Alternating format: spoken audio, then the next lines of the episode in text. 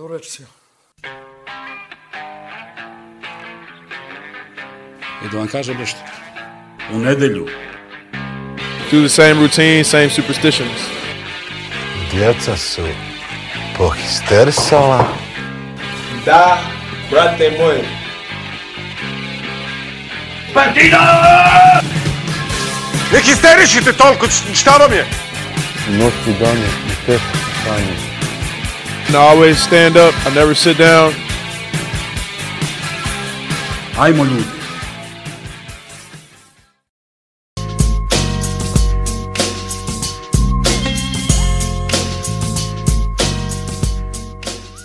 Pozdrav histerikalci, dobroveče deco.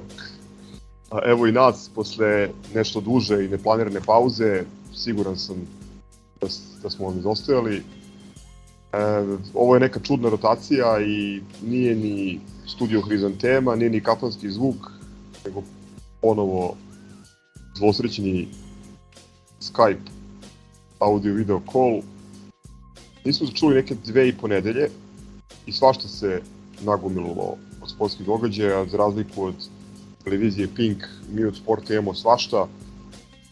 Imamo odlične rezultate u košarci, po tri uzastopne pobjede u e, Euroligi i u ABA ligi. Duše, e, u senci novih povreda u našoj ekipi.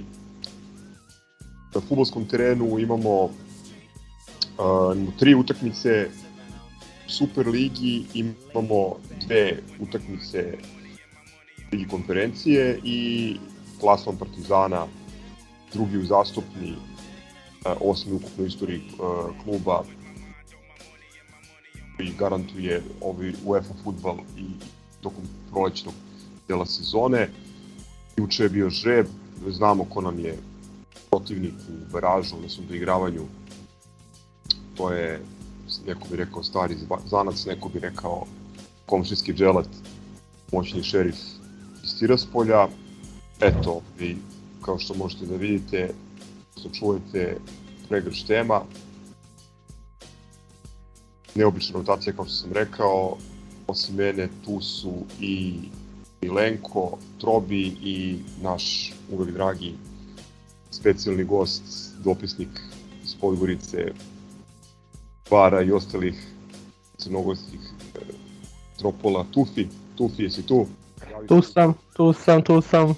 Uvijek mi je zadovoljstvo i ovako gostovati i malo popričati sa vama. Jeste da nije baš uživo, da, smo da nismo iskoristili tu priliku kad sam dolazio na, na, na mečeve Evrolige, ali bože moj, bit će još prilike. Dobro, dobro da si tu. Mi smo se nadali da ćemo se izgubio opkladu i obećao da će doći na Žalgiris vozom.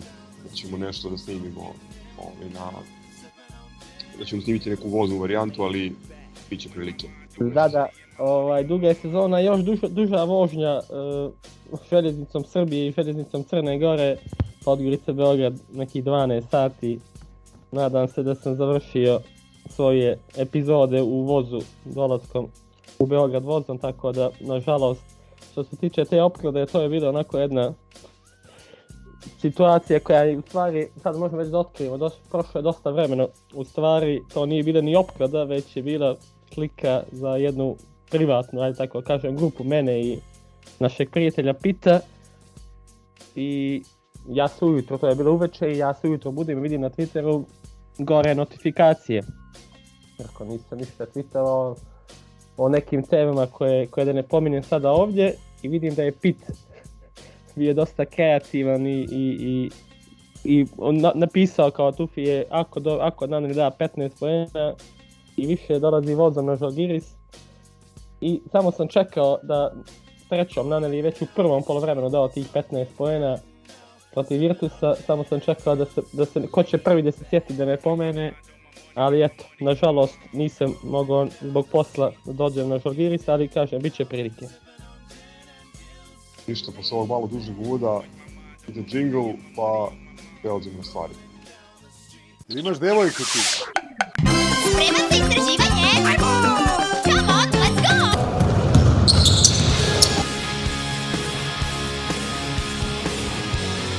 Just gonna go out, get my blood, sweat, and tears.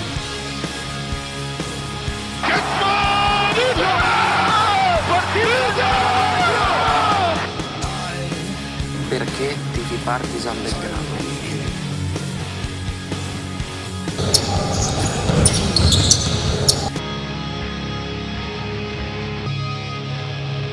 Mogu da kažem o Aba Ligi? Yes, sir. Ništa, Paul. Nekom internom dogovoru dok se futbolska sekcija ne pojača određenim ovaj, dolascima i upadima u ovu našu, ovaj naš Skype call i dok Trobi ne završi večeru, rešili smo da ovaj put krenemo sa košarkom, kao što je i Gaza rekao u samom uvodu, bilo je zaista dosta i utakmica i dešavanja i hvala Bogu što je, što je tako, što je takva situacija. Ovaj, pa da krenemo sa tim Ornarom, Ornarom u baru koji je došao posle dvostrukog kola Evrolige, posle dve jako teške utakmice protiv Armanije i Virtusa i e, negde je postojala bojazan kako ćemo kako ćemo se, da kažem, pojaviti, u kakvom svetlu prikazati prvi put nakon dvostrukog kola Evrolige, da kažem, u, u ovoj novijoj istoriji Partizane. Nismo imali prilike da se e, suočavamo sa takvim redosledom i rasporedom i međutim bilo je vremena, utakmica je igrana u ponedeljak uveče, e, bila je lepa atmosfera, većinom e, navijači Partizana, u dvorani kao i uvek u baru dočekana je ekipa maksimalno pružena je izvanredna podrška i igrači su i to i opravdali i vratili o, jednom zaista lepom sigurnom igrom, ubedljivom pobedom i koja će verovatno ostati upamćena po dve stvari. Prva je što smo uh, Feca Rasela koji je beleži u prva dva, tri kola Euroligi, bože Euroligi, ABA lige i po 40 pojena, mislim da imao 41 poen u proseku u prva tri kola, on je nama postigao, čini mi se, samo 9 poena uz uh, jako loš šut iz igre i nekoliko izgubljenih lopti, a drugi, druga anomalija, tako da kažem, sa te utakmice bilo je i katastrofalno šutersko veče Kevina Pantera, 0 od 10, nije se ni upisao u strelce i ovaj definitivno je bio najslabiji igrač Partizana te večeri, međutim Željko Obradović je to što, to što jeste sa razlogom, on je odmah na konferenciji posle utakmice rekao kako je Panter bio najmanji problem ekipe, kako uzima uglavnom rezonske šuteve i kako nije nikakav problem da takve šuteve u budućnosti uzima i da je uveren da će da će ti ovaj pogodci kad tad ulaziti što će se desiti samo par dana a, kasnije. Ja se sad pravo da vam kažem i ne sećam više ko je bio najbolji igrač Partizana na, sa te utakmice, nešto mi u glavi da je Andžušić imao a, dobru utakmicu, da smo sa njim na parketu pravili a, velike a, prednosti, pa ajde ako se neko malo bolje seća te utakmice, slobodno nek, nek preuzme reč. Ovo jeste, ovo jeste ono duboka praistorija. Ja ću vrlo brzo, ne pamtim, lakše dobijen utakmicu u baru, to je glavni utisak i nekako smo od početka se nametnuli i potpuno iskontrolisali utakmicu. Rekao si Fetz Russell potpuno zatvoren, mislim da je završio utakmicu bez jedne pogođene trojke i jednocifren. Ponovo odlična obrana i siguran šut, mnogo bolji od Kipe Mornara, što je za policu ravno jednom ozbiljnom čudu. Na tribinama ponovo karneval, svaka čast grobarima iz Crne Gore, tamo gde god se pojavi Partizan ima domaći teren, tome Tufi može malo brutalnije. Na ovoj utakmici, ako se dobro sećam, to si Milenko ko je dobro igrao, Ledej je i odličan u prvom vremenu i Balša je dobio malo veći prostor da, da popravi samopouzdanje žalost, svi znamo šta se desilo desilo Atini prošle nedelje, tako da ovaj, ne bih više o tome, Panterovo slabo veče, indeks minus 11, rekao si Željko je, Željko je ovaj, uzeo kapitena u zaštitu, ako je to bilo može potrebno. Snio je da su svi šutevi bili rezonski, ali već nekoliko dana kasnije stvari su došle na svoje. E, jedina stvar još koja se sećam, to da je suđenje bilo dosta ispod tog da kažem, prazničkog ili karnevalskog nivoa koji je viđen tamo i e, čak tri igrača naša su završila penale. Eto, to, to je ono što mogu da se sjetim. Ono što je meni ostalo u sjećanju je, e, rekli se da mi uvijek imamo dolje veliku podršku, ali imam osjećaj kao da je sad bilo nikad više ljudi navijača Partizana u sali. Iako su ulaznice bile 15 eura, što je onako dosta, dosta visoka cijena, ali eto, bože moj. E, ono što je, nisam bio 100% siguran, ali sad sam provjerio, e, Zek je na tom meču postigao posljednju trojku. Posle toga nijednu trojku nije postigao ni u ABA ligi, ni u, Euro, ni u Euroligi. A ako se sjećate, tada su izašle posle one nenormalne statistike da ima 65-70% učinka i tad je postigao posljednju trojku. Znači, gledao sam sad, odnosno dok ste, dok ste vi bili, dok ste vi pričali, provjeravao sam da ni ova dva meča Euroliga, posle toga Žalgiris i Panathinaikos, ni ova posljednja dva meča ABA lige nije, nije postigao, ali Zek samo neka čeka u čoškovima i na 45 stepeni sa svojim šutem malo čudnim izbačajem i nema, nema zime za nas. Tako da iskreno, ja sam tad, tad nis, nis, taj meč nisam bio, nisam bio u baru uh, za promenu jer kao što sam rekao Milenku posle povratka iz Beograda sačekala me neki virus i sačekala me neki virus i bio sam bukvalno nedelju dana za, za, za bačiti, što bi rekli, tako da sam onako iz ležećeg položaja gledao, gledao meč. Lepo si, lepo si se setio toga i jeste to poslednja dobra šuterska partija Ledeja, međutim dobra stvar je što je Ledej u narednim utakmicama doprinosio na sve druge moguće načine ako već nije šuterski. I kao što si sam rekao zaključan sa tom utakmicom je bio na 60 i nešto posto šuta za 3 to naravno da nije održivo na nivou sezone i bilo je za očekivati da, da ti procenti malo i padnu. E sad je bitno da se ustale da kažem i u normale na, na tih nekih 40 ovaj, oni i protiv Žalgirisa, pa ako se slažete možemo polako da prelazimo već na tu utakmicu jer ima zaista dosta tema. Ovaj, protiv Žalgirisa je promašio nekoliko otvorenih trojki gde smo se ono, mislim je cela arena se začudila eh, da, da Ledej promaši otvorenu trojku te ove sezone. E, sačekala nas je jedna ekipa onako klasična klasična ekipa Žalgirisa, ako, ako već, ako zamišljamo ekipu uh, Žalgirisa neko, po nekim stereotipima, to bi bila ovakva ekipa, bez nekih velikih uh, zvezda, bez uh, nekih preterano velikih imena, bez preterano skupih stranaca, ali ekipa koja igra izuzetno timski, koja igra izuzetno odgovorno. I ovaj i oni nisu dobro recimo šuterski počeli sezonu, međutim protiv nas su bili sasvim solidni u tom uh, aspektu igre. Mislim da su Virtus dobili 7 dana pre nas uh, sa šut, šutem za 3 poena, čini mi se 3 od uh, 27, mislim da je tako bio neki ludački procenat, oko 10% šuta za 3 poena. Pre nas su dakle dobili Virtus kod kuće, dobili su Barcelonu kod kuće i sa 2-2 došli u Beograd.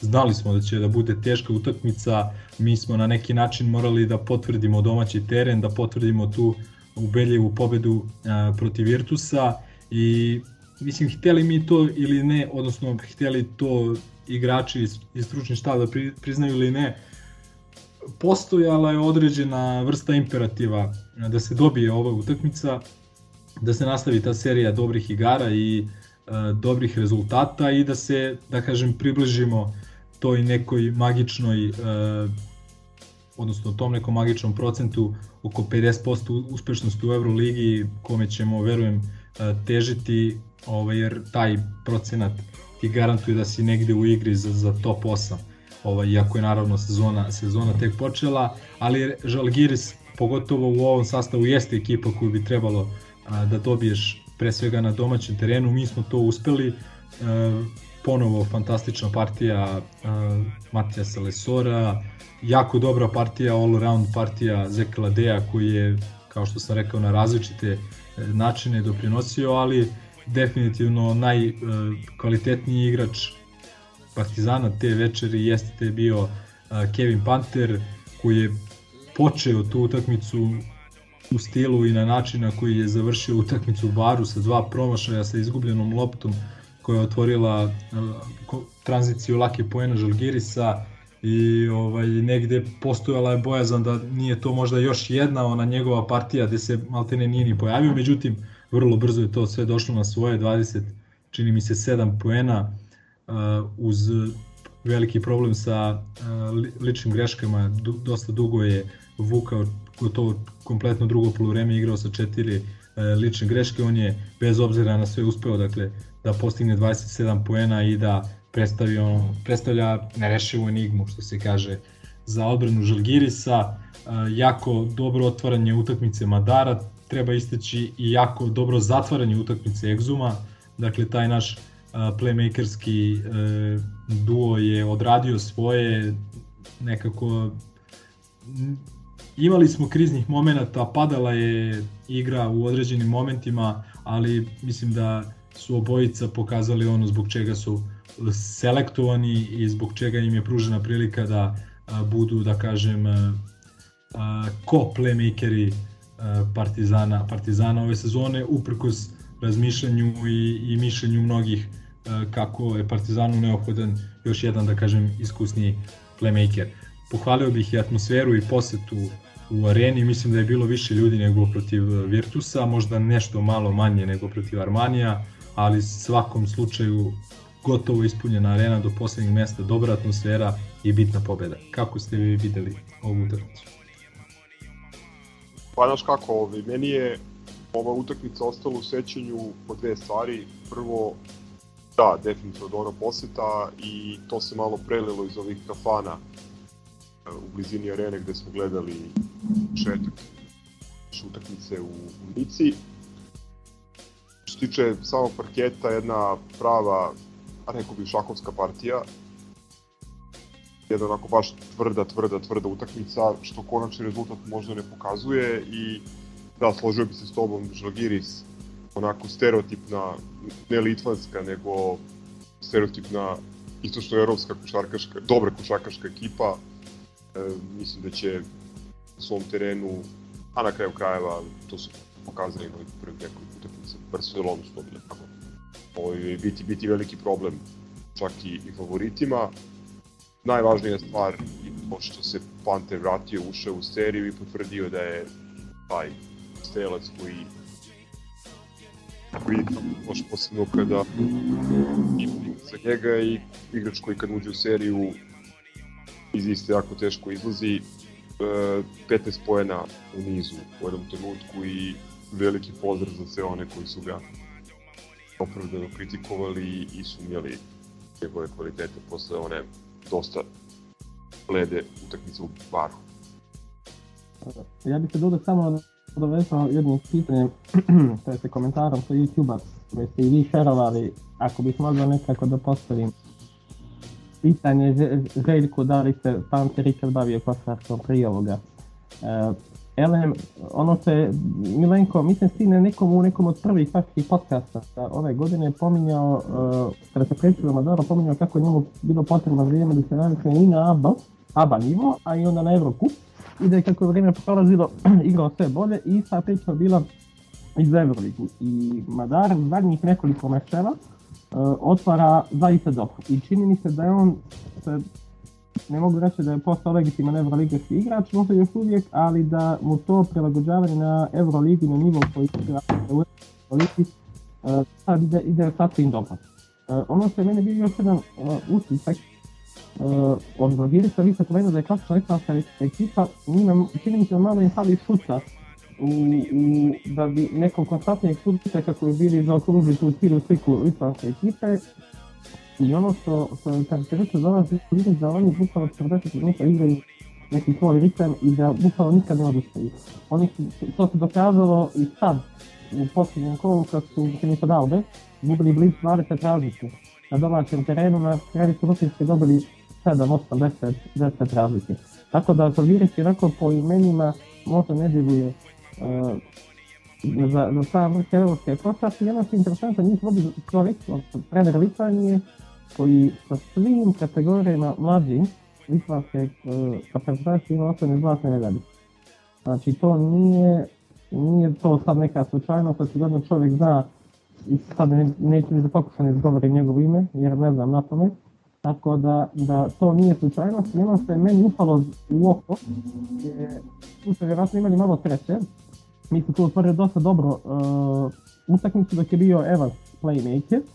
I čim je ušao Lekavičius, kao da je umio malo da je poremetio svojom brzinom i, i, i onako ne znam kako bih nazvao, jer on je tu vezao čini mi se 5 poena, dao je trojku bukvalno za, za 50 sekundi je vezao 5 poena, malo je razdrno ekipu i uh, sreće imao je problema, cijeli, meč je imao problema s ličnim greškama. Uh, I evo sad gledam, uh, on je na, proveo na terenu 15 minuta i za tih 15 minuta Žalgiris je uh, bio u prednosti 7 poena, dok je, dok je bio Evans na terenu, uh, Žalgiris bio u minusu 20 poena. Tako da tu možemo reći da su imali malo sreće da, da, da Lekavičius i u drugom polovremenu brzo čini mi se zaradio treću ličnu, tako da je, da je veći dio drugog polovremena proveo, proveo na, na, na klupi, tako da nam je to sigurno dodatno, dodatno olakšalo rešavanje ovog meča. Tako da to je to ono što je već koliko ima dvije nedelje od kad je taj meč se odigrao, tako da i to ono što meni ostalo u sjećanju. Moguće da se još nešto zaboravi, ali eto sada radimo. Jeste, apsolutno se slažem i ovaj, to sam ja rekao ovaj, odmah posle utakmice da je da mi je Lekavičius pravio velike probleme. E sad njihov trener nije a, takođe se slažem sa tobom da ima ono nezohalno ime koje nekako što se kaže na jedno uvo uđe, na drugo uvo izađe, ono i nikako da mi ostane u glavi. Ovaj koji je izvanredno vodio utakmicu, ovaj to smo Gaza i ja komentarisali još na tribinama, non stop je sekao timeoutima, pravio izmene, konstantne maltene hokeja, ma i češće nego maltene rukometne izmene je pravio ovaj, samo da ubije ritam Partizana, da otupi malo energiju sa, sa tribina i ovaj, e sad jedina stvar gde možda gledano iz neke neutralne perspektive ili čak iz perspektive jača Žalgirisa, šta bi mu se moglo zameriti jeste to da nije možda malo više insistirao da igra sa Lekevičiusom čak i po cenu pravljenja petog faula. Ovaj, nekako ga je pre brzo izvodio, mi smo ga napadali, mi smo uspevali da ga uvedemo u taj problem sa ličnim greškama, kao što su i oni uspeli Pantera, kao što su i napadali Pantera, ali Željko je nekako imao više poverenja u Pantera da neće napraviti uh, tu petu ličnu grešku. Tako da slažem se, jako dobar komentar Tufi i dobro se setio toga. Zaista jeste jedan od momenata koji je prelomio ovu utakmicu uh, na svu našu korist i možda razlika na kraju nije bila naj realnija, naj, ne odgovara najviše onome što smo gledali, ali jako bitna stvar je i to da smo šteta za onu trojku naneli, a moglo je da ode čini mi se na 14 razlike, ali dobro, ovo je dobra pobjeda i Bože zdravlja, onaj neki krugova na kraju, mada mislim da neće, mislim da Žalgiris ipak neće biti u, u konkurenciji za 8, ali a, nije na odmet voditi računa ovaj, i o razlici u ovim prvim, prvim utakmicama. Znaš šta je tu Milenko, izvini u odbranu, što te u odbranu njihovog trenera, uh, Maksitis, evo, saznali smo konačno kako se zove, uh, to on, uh, ti kada igraju, njeg, igraju Exum, Panther i kogod je na trojci naneli, on nema njega gdje da sakrije. Nema gdje da ga, on je sa metar 80, ili Lekaviću si bitan ima li toliko, on ne može da, da Exumu, pogotovo, iako svi znaju da će Exum na desni prodor, on ne može njemu tu apsolutno ništa ni da zapnete. Pantera ne može da čuva, mislim Pantera kad je u onakvoj formi, može da stane ne znam ko ispred njega i to je gotovo. Tako da, da on tu teško da, da, da, da je on mogao da, ne znam, nabiraš nekog kamenjara na trojci ili nešto, pa da, da ga tu kriješ. A ovako kad imaš na, na svakoj spornoj poziciji igrače koji su ili u vrhunskoj formi kao Panter, ili koji je fizički toliko dominantni njega kao Exu, tu je problem kako da ga, da ga, da ga sakriješ plus, plus što Rekaviću zbog svih svojih fizičkih nedostataka ne može da igra odbranu na, i na pristojnom nivou, a ne ništa, ništa preko toga. Lepo si Milenko rekao da ovaj, je postoje nek... Ha, jeste postoji imperativ, realno. Posle 0-3 otvaranja, ali bitno je da smo bitno je da smo konačno uspeli jednu utakmicu koja je bila neizvesna da uvedemo u mirni raspad koji nam odgovara i tu deluje da je ekipa izvukla neke lekcije. Drugo, ono što je ono što je takođe važno, još jedna utakmica na kojoj je Lesor imao neverovatnu potrošnju, ako se dobro sećam, ovde je igrao skoro 38 minuta i bilo je interesantno da smo ponovo videli onaj duel iz završnice nesrećne Eurokupa Lesor na Kivariusa Hayesa ovoga puta u direktnom, u, direktnom duelu nekoliko e, nekoliko finih poteza Lesora i ajde kaže mala, mala naplata za ono što smo, što smo gledali nekih pet meseci ranije. A je li, je li sad se setio, je li na ovom meču bilo čuvanih balčnih 45 sekundi? Jeste, je, pogrešio je odmah nešto da, da, da, da, odbranu pick and rolla jednu je pogrešio i odmah je izveden napolje. Da, da, to je bila ona konferencija čuvana gdje je Željko na kraju rekao da, da, kad je Željko rekao oni se sami izvode, što je otprilike jer ti na, na ovom nivou ne možeš bukvalno u prvom napadu, to je u prvoj odbrani, da ostavljaš čovjeka, okreneš mu leđa i to je to. Ok, samo rekao nisam bio 100% siguran je bilo to na ovom meču. Jeste, jeste. Dobar dan. Go Partizan. Ajmo partido! Aleksa! Aleksa! Aleksa! Šta je bilo? Priča je svetski jebem ti materinu. Majmuni. Sorry. I'm out of breath. I'm tired. Potrebno pičku. Ajde, još jedan, ajde. Ok, prelazimo polako i na Megu, koja je igrana u sad već predprošlu nedelju ovaj, u onom večernjem terminu. Neki 6000 navijača je bilo u areni, sasvim solidna poseta za taj termin i jedna slabija predstava igrača Partizana, bilo je boga mi malo i nije baš kidanja živaca, ali nije to baš delovalo onako kako smo se nadali. Željko je pokušao i uspeo u dobroj meri da raspo, rasporedi minutažu. E, više je igrao možda Lesor nego što je bilo planirano, ovo sve ostalo je bilo prilično e, fino raspodeljeno.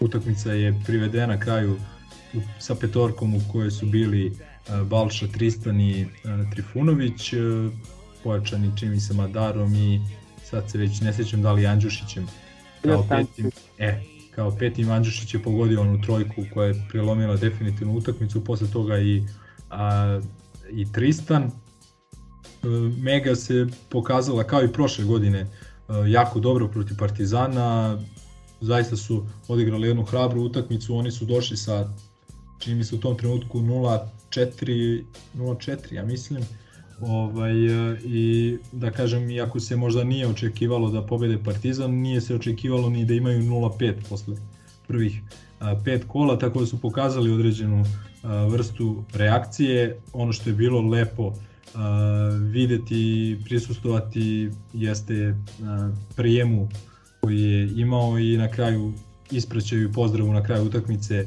navijača Partizana prema jednom od možda omiljenijih kapitena u istoriji Partizana Gagiju Milosavljeviću koji je tamo na nekoj vrsti otvorenog ugovora održava formu, odnosno diže formu dok ne nađe neki možda malo atraktivniji angažman, ali ovaj, pozdravila ga je beogradska publika, navijači Partizana ne zaboravljaju tako lako svoje heroje i to je stvarno bilo jako lepo videti.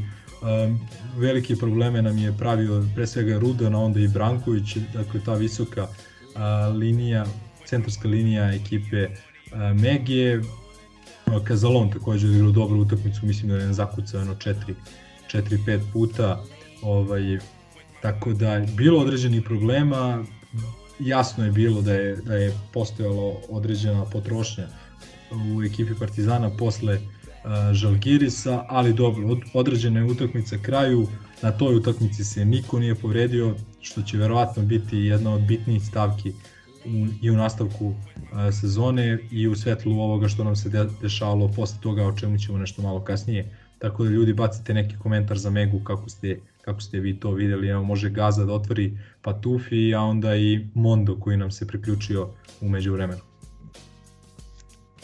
Mega, sad treba se setiti. Sve se nekako stopilo u, u jednu veliku utakmicu. Da, ovde je, kao što si rekao, bilo skoro 6000 ljudi u, u areni. Onako, ispuzali su iz Carpenterove magle posle utakmice sa e, radničkim e, na JNA i to po meni nepotrebno skandiranje Latoviću, kome ćemo kasnije pričati, se prelilo, prenulo i u arenu sa nivoa 400. E, da, Novica i Gagi Milosavljević preko puta, onako dosta čudno i neprijatno. E, ponovo slab ulazak u utakmicu mlađih igrača, pomenuo si Mile Rudana, koliko je dao, 25-26 poena, gomilu nekih skokova je pokupio.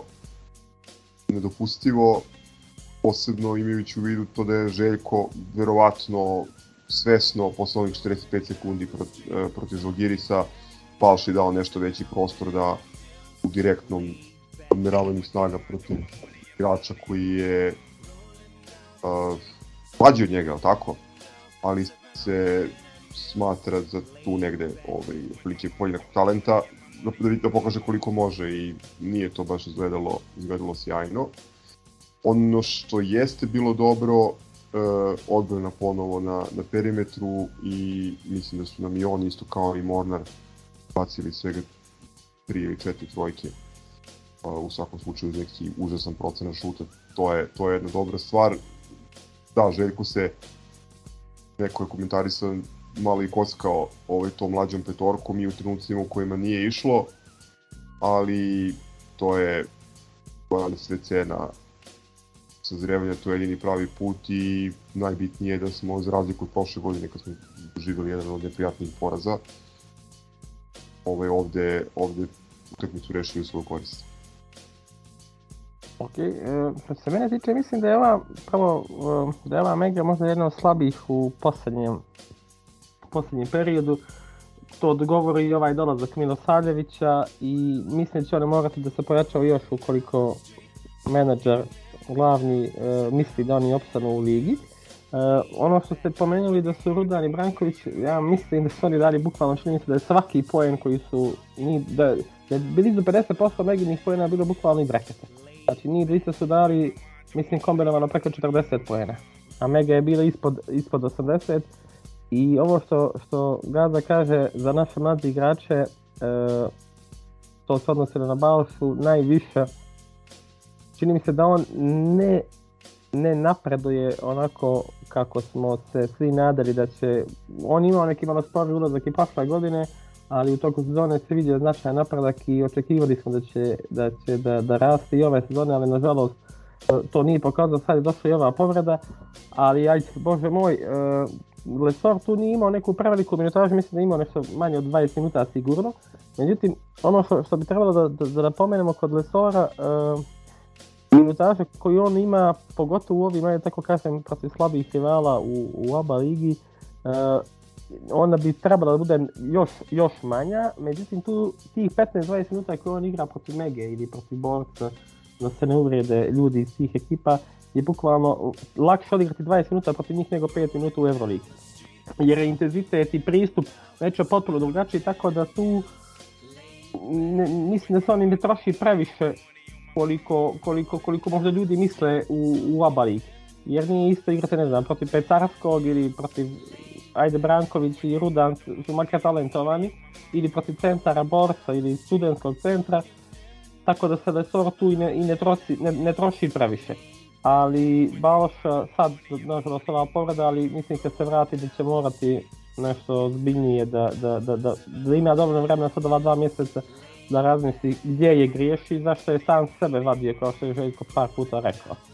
Tako da, a sad iskreno budem, to je već meč koliko je prošlo desetak dana, Tako da i svi ti meči koje gledam onako malo na streamu su mi malo, malo izazovni za, za, za, za komentarisanje jer, jer često gledam iz bez zvuka tako da nisam siguran šta bi još mogao tu da, da, da pomenem. Dobro, mogu ja da upadnem? Naravno. Pa ništa, ja sam tu tekmu protiv Mega gledao u kontekstu kao utakmicu između Žalge i Panatenikosa da se nekako dobije, da se sačuva energija. Nismo sjajno počeli, već ste rekli te njihove rmpalije Rudan i Branković, 43 poena, ukupno 16 skokova, to mi se nije svidelo. Dobro su odigrali momci, nema što, oni su se baš tukli pošteno. Ali opet s druge strane zadovoljan sam, dobili smo desetak razlike, koristio je dosta igrača, rasporedio poene, nažalost se posle se ispostavilo da Naneli neće biti spreman za Panathinaikos. Ni, nismo ušli u neku baš završnicu dramatičnu, da, da bilo je tih 7, 8, 10 dugo vremena, tako da mislim da je ono korektno odrađena utakmica i to je to što se toga tiče. Jeste, ja bih uh, samo ono istakao kao jedan od lepših poteza čitave ove e, sezone do sadašnje jeste onaj ono otvaranje utakmice i pick and roll Madar koji iza leđa asistira da. Balši koji da, da, zakucava, da, da. zakucava uz faul. Stvarno bilo lepo i negde u tim trenucima je delovalo kao da nas čeka jedna onako možda i lepša utakmica za oko.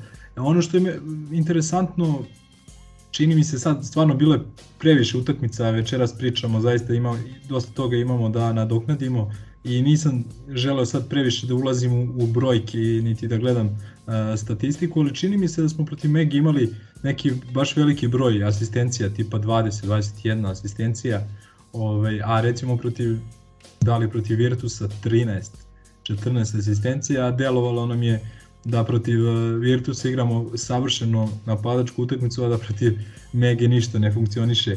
E, mislim, naravno, velika je i razlika u kvalitetu i tako dalje i nisu asistencije jedini, jedino merilo uh, kvaliteta igre, ali hoću da kažem kako neke te brojke znaju onako malo i da zavaraju kad se recimo gleda utakmice i kada se gleda statistika, statistika na kraju utakmice. Ništa, absolvirali smo dakle Megu, rekli smo to je profesionalno, da kažem, određena, određena utakmica, upisana pobjeda, a, vidjeli smo koliko sinoć ovaj, u praznoj dvorani Aleksandar Nikolić, nekadašnjem pioniru, da se dešavaju velike iznenađenja u ovoj, u ovoj ligi, tako da treba biti oprezan, bez obzira što smo mi u dobrom momentu, što uh, smo kvalitetniji od velike većine uh, timova u ovoj ligi, ipak mora se biti oprezan i, i, ovaj, i na kraju krajeva što nam je i, i sama Mega prošle godine demonstrirala kada je došla sa bez 4-5 uh, igrača.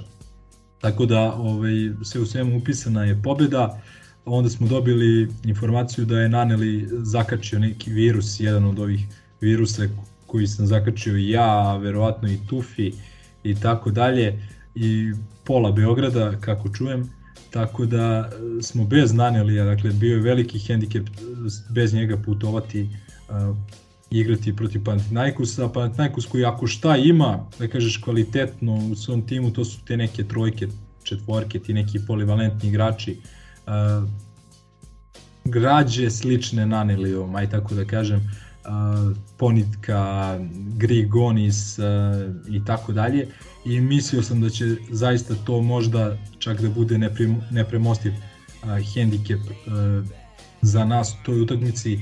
Hvala Bogu to nije bio slučaj. Imali smo fantastično otvaranje utakmice, tu bih želeo da pomenem dakle, čitav stručni štab i pre svega Bogdana Karajčića koji zaista radi svoj domaći zadatak očigledno kako treba jer Partizan je osim Berlina u svaku drugu utakmicu ušao u Euroligi ušao na fantastičan način.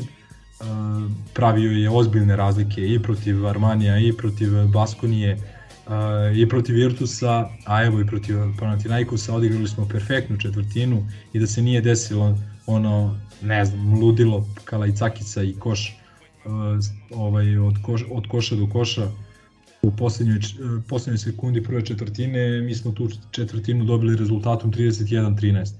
Apsolutno sve je funkcionisalo u ekipi Partizana, napadalo se pametno, staloženo, tražio se protok lopte, tražio se uh, otvoren uh, otvoren šut, dosta puta smo re, rešavali i na obruču ili zakucavanjem ili polaganjem, što takođe govori o kvalitetu našeg napada u toj četvrtini. Odbrana je na drugoj strani izvanredno funkcionisala. Radonić se odlučio da počne sa Bekonom koji je izuzetno kvalitetan igrač, ali očigledno je bilo u prvoj četvrtini da nije još uvek pohvatao niti sve akcije, niti sisteme igre i ovaj, mislim da nam je to malo pogodovalo bez obzira što je reč o izvanrednom individualcu. I ono, da skratim priču, otišli, otišli smo na kraju prve četvrtine sa 31-16 umesto 13.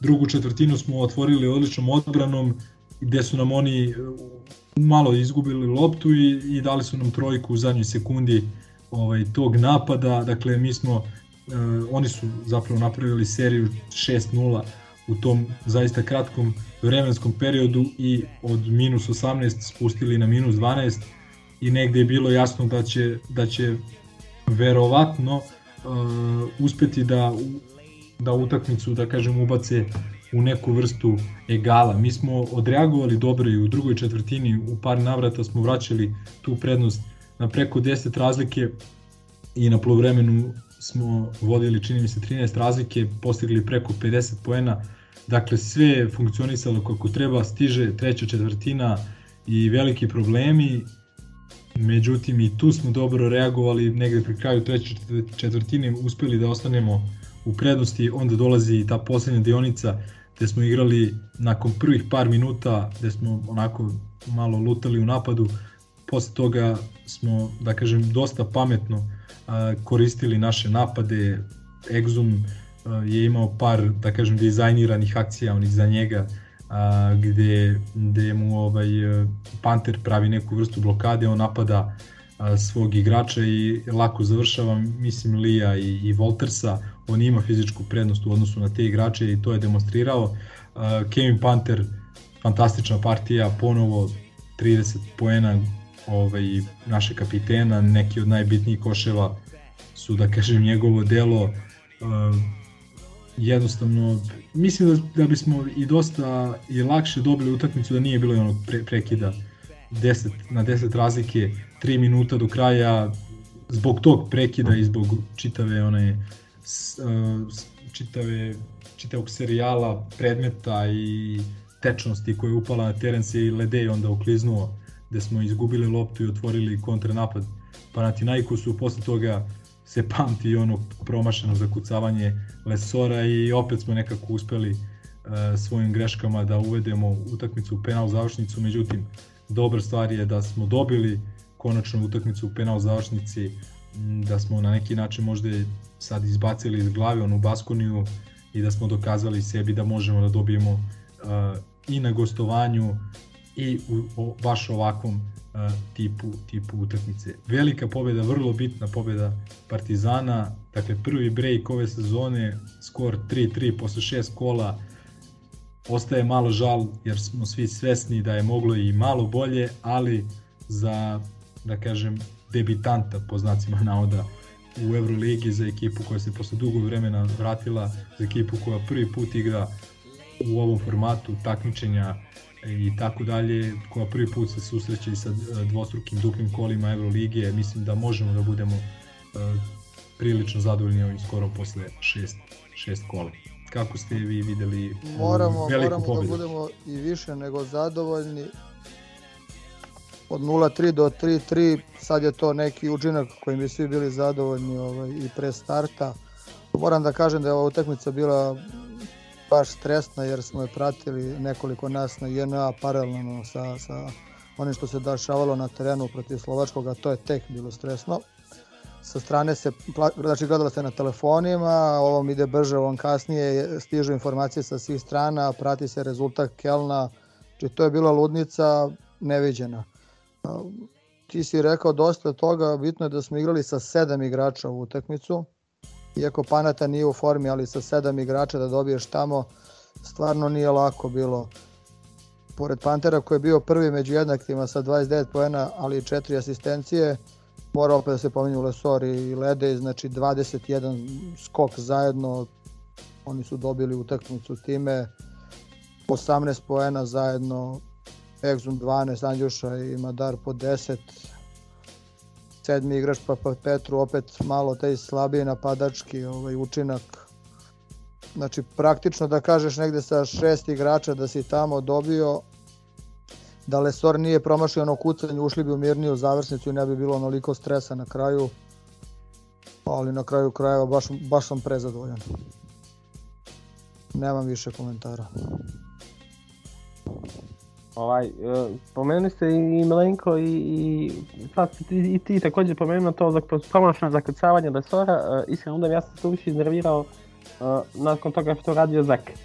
I pre toga. I pre toga je promašio okay, i posle toga. Da, da, prije ok, ok, promašio je ono malo iz, iz čoška, ali posle toga nakon ofenzivnog skoka uh, u prvoj sekundi napada on šutira neki floater preko Papajanisa, tu me malo onako više iznervirao.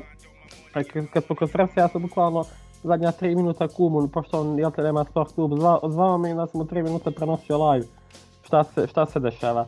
Ovaj, uh, ja bih, uh, kao što sam i kod Žalgirisa pomenuo, mi smo imali, uh, to je problem, Panathinaikos je bio što uh, su imali dva potpuno različite raspoložene playmakera i svaki put kad je Lee bio u igri, nama je rezultat, činim, imam osjećaj da svaki put da smo imali prednost i povećavali prednost. Svaki put kad je Walters bio na parketu, pravio nam je probleme. Znači, čini mi se, dakle, kad vidim Nate Waltersa da se protiv nas pretvara, ne znam ni ja, u kombinaciju Diamantidis i Papa Lukasa. Znači, plus onda ne može da promaši trojku i baš on Milenko dao onu trojku koji si pomenuo na početku druge četvrtine sa 9 metara kad, smo, kad su spašavali da ne pređe preko pola, bukvalno u zadnjoj sekundi on je, on je dao tu trojku. Tako da, kao što ste rekli, vrlo važna pobjeda. Ja bih samo nešto jedan mali osvrt na, na ovaj naše učešće. Mi smo odigrali 5 od 6 mečeva na vrlo, vrlo, vrlo visokom nivou.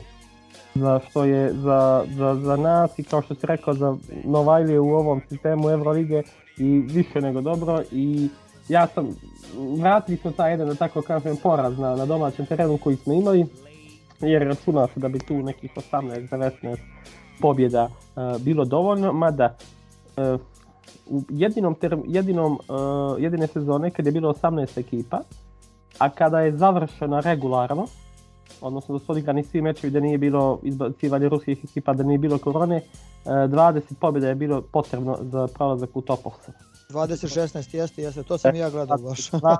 bilo, a na primjer prošle godine kada su izbačene ruske ekipe i izbrisani mečevi sa njima, bilo je tačno pola, 14 ja mislim ili tako nešto, da je bilo 14, 14, 28, to je to, ja mislim da je tako, ili, ili 15, 15. Znači tu je ta neka magična cifra, ali kažem idemo jedan po jedan meč, sad će biti ova neka četiri meča, onako pogotovo izbog i da smo u kompletnom sastavu bili bi izuzetno zahtjevni, a ovako sa povredom i sa svim biće, biće pogotovo, ali idemo jednu, jednu po jednu.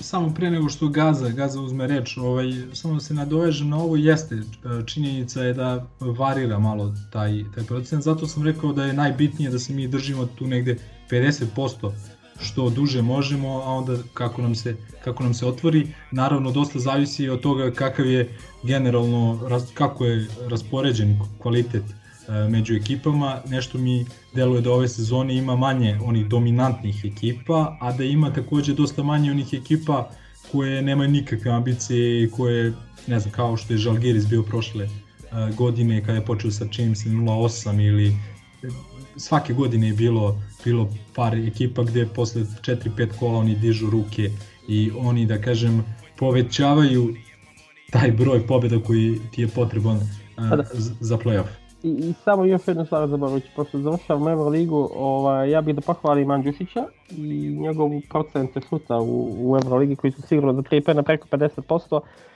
I mislim da bi Danilo, ma, sad malo će biti problematično sad bez playmakera i bez, bez egzuma, uh, da bi on otprilike njegova uloga nekih 15 minuta u drugoj četvrtini da uđe, ako pogodi prva dva šuta da se isforsira dok mu je vruće ruka, čim eventualno promaši prvi i drugi šut. Samo jednostavnije, samo jednostavnije. Samo jednostavnije da mu se izbaci lopta iz ruke, jer čini mi se, nema on toliko izgubljenih lopti ali te njegove lopte izgubljene mi i onako često upadaju u oči jer su direktno U obično lošim momentima. u lošim momentima i što su to, nije da on izbaci loptu u aut, pa da mi imamo vremena da se vratimo postavljena odbrana, nego bukvalno su Bacanje sve- bunar.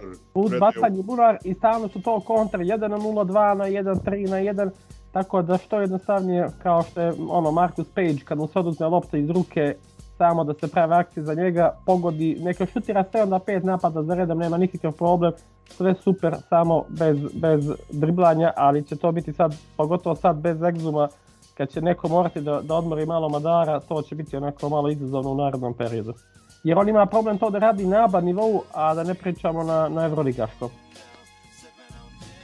Nemam bog za šta da dodam, sve ste manje više rekli, ja sam utakmicu smatrao ovaj, zakašnjenjem, pošto smo bili na JNA, gledali smo Slovacko, pratili smo rezultat, ali ono, previše nerviranja u datnom trenutku. Samo bih dodao da deluje da ovaj crnogorski stručnjak nije baš toliko dobar bez Olga Kneževića i Javora.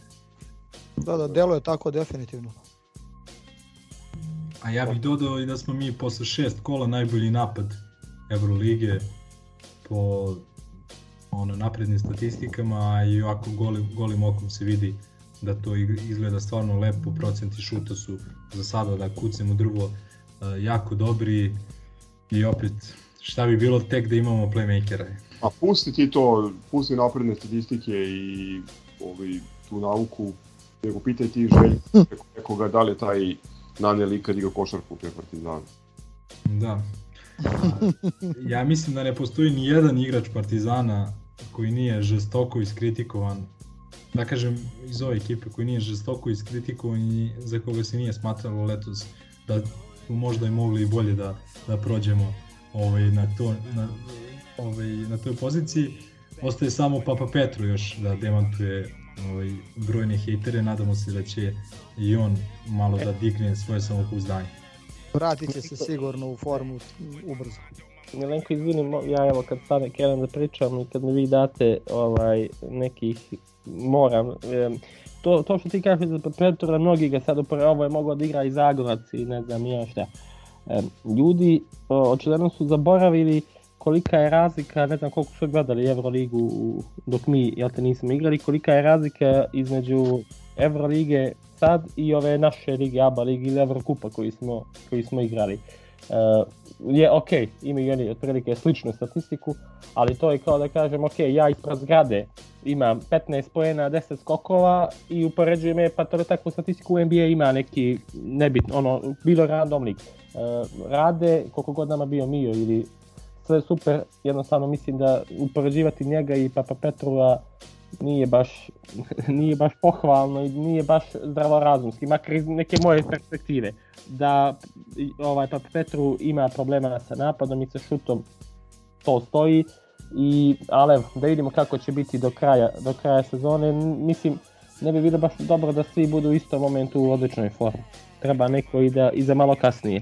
Pa evo, mislim ja obično izigrao nekog drvenog ad- advokata ovde, ovaj, što se košarke tiče, ali, ali zaista mislim da mnogi ili zaboravljaju ili olako prelaze preko toga da je Papa Petru recimo letos imao jednu povredu koja ga izbacila iz, iz koloseka pred evropsko prvenstvo u tim pripremama, gde je na početku priprema bio jedan od boljih igrača i boljih strelaca u ekipi Grčke, naravno posle Janisa, ovaj, Papa Pe, ovog, bože, Adeto Kumba, a onda ta povreda dve nedelje vrlo neugodna, vratio se neposredno pred evropsko prvenstvo, bez treninga, otišao na prvenstvo, nije se dobro snašao, imao je jednu i po dobru utakmicu, ostale su bile zaista loše i onda je iz toga došao, da kažem, direktno na, pripre, na, na finiš priprema Partizana, da je takođe mu trebalo malo vremena i evidentno je da, da mu nedostaje pre svega samopouzdanje. Nije on nikad bio igrač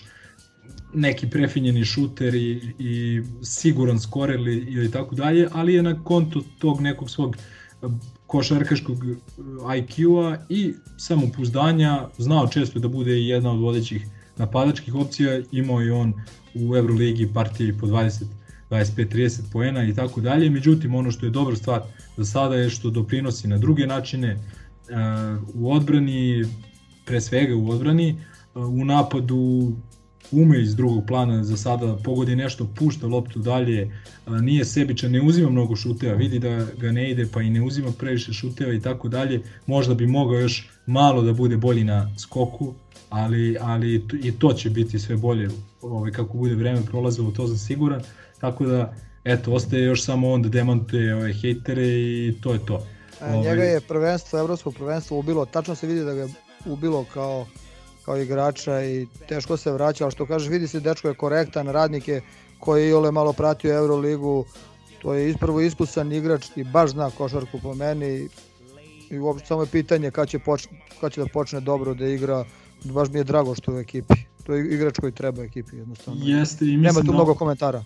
On neće, on neće i nije zamišljen da bude tip Pantera i ne, ne verujem da će i u jednoj utakmici ove sezone dati preko 20 poena, ali mislim da je zamišljeno i da je ovaj da se ono da se očekuje od njega da ima tu neku konstantu od 8 do 10 11 poena u proseku, da pogađa otvorene trojke, igra dobro u odbranu i bude bude aktivan a, na skoku, a kad smo već kod toga da pređemo i na Čačak i da time polako završavamo da završavamo košarkaški deo u Čačku je pogodio dve otvorene trojke e, Papa Petru, ali mislim da je mislim da je apsolutno najbolji igrač e, ekipe Partizana u toj utakmici bio Uroš Trifunović, to treba napomenuti. Ono što smo x puta pričali ovde u e, da kažem u osvit ove sezone, a i evo pričamo iz kola u kolo. Dakle Panter, Ledej, Lesor će isporučivati svoje u Euroligi, isporučivaće oni i u ABA, ali bi bilo dobro da ih s vremena na vreme odmeni neko od ovih, da kažem, po znacima navoda pomoćnog osoblja i jako je lepo što je Trifa iskoristio svoje minute, mislim da je postigao 15 pojena na kraju, postigao je one dve trojke kojim je definitivno prelomio utakmicu, postigao je i takođe jedan bitan koš kad smo bili u, u problemu i to je ono što je bilo najbolje u Čačku. U Čačku smo igrali bez Egzuma koji se povredio na treningu dan pred utakmicu i po nekim prvim procenama pauzirat će nažalost 3 do 4 a, nedelje. Balša se povredio toj ne, svojoj kratkoj minutaži a, u Atini, a, njega sigurno čeka bar dva meseca pauze, a, dobra stvar je što se Smiley ubrzo vraća, čekamo tog još jednog visokog kao ozebli sunce, čekamo i Aleksu ovaj, kome kost na prethodnom snimanju još uvek nije zarasla, tako da čekamo tri nedelje valjda od tog prethodnog snimanja a, do novog snimanja gde će, nadamo se konačno kost da mu zaraste, onda ide skidanje gipsa i polako, polako uvođenje u trenažni proces. To su neki problemi koje ne možemo da ignorišemo, koje svakako treba pomenuti a, sada i koji će uz ove nesrećne FIBA, FIBine proz, reprezentativne prozore usloviti to da mi u Grčku idemo sa devet igrača, a objektivno sa sedam. Jer... Đorđe i Glas. Tako je, tako je. Dakle, sa sedam igrača idemo na jedno jako teško gostovanje. No dobro, aj to ćemo pričati već sledeći put. Ovaj, kako ste vi videli utakmicu u Čačku i ovaj, i da, istakao bih tu sjajnu podršku navijača, navijača Partizana.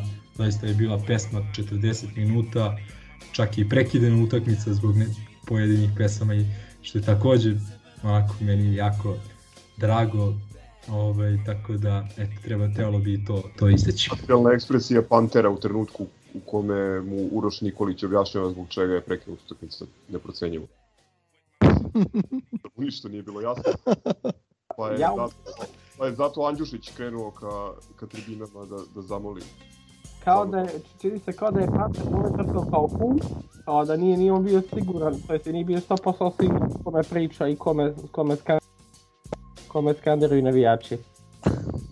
A, ovako, da ne ulećem Mondu na teren, on će o pečenju, on će taj gastro moment, e, delikatna utakmica, delikatna situacija zapravo zbog ovih novih povreda koje je Milenko krenuo, i pored svih tih malera i naneli u razbijena arkada Čačku, ali to ga nije poremetilo ovaj, kada je u pitanju šut.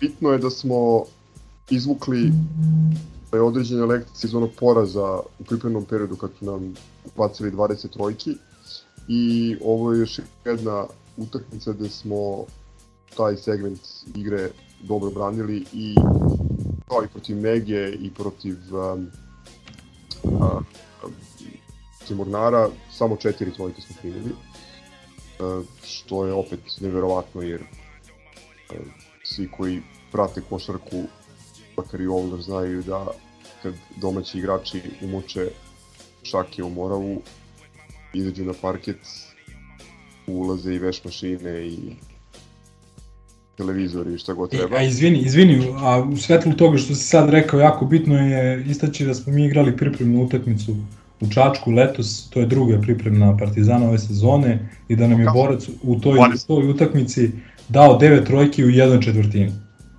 Kažem, izvukli smo lekcije iz tog poraza. Da. A, trifa povuku kad je bilo najvažnije, to si rekao isto Milenko i da, to je definitivno vrsta doprinosa koji nam treba sa klupe na ovim uslovno rečeno manje, manje bitnim utakmicama. Na kraju tih ubedljivih plus 19, ali kao i 10 razlike protiv Mege možda, možda preubedljivo za ono što smo videli na terenu. Ono što najbitnije 6-0 u ABA, sve utakmice koje je trebalo dobiti smo pobedili, jedini smo neporaženi i sad ulazimo u ovo novembarsko, decembarsko ludilo. Ja se nadam da tih egzumovih ovaj, najavljenih e, 3 do 4 nedelje odsustva neće biti toliko, nego da će biti kraće i da ćemo konačno dočekati i tog jednog dodatnog visokog igrača u rotaciji, pošto definitivno definitivno, ajde, to je opšte mesto, ovaj, ne može da se igra na dva fronta sa ovako skraćenim rosterom. Meni je izuzetno žao što nismo mogli da budemo i u Čačku i u Topoli osjećam gri, grižu zavesti što nismo podržali ekipu protiv, protiv borca.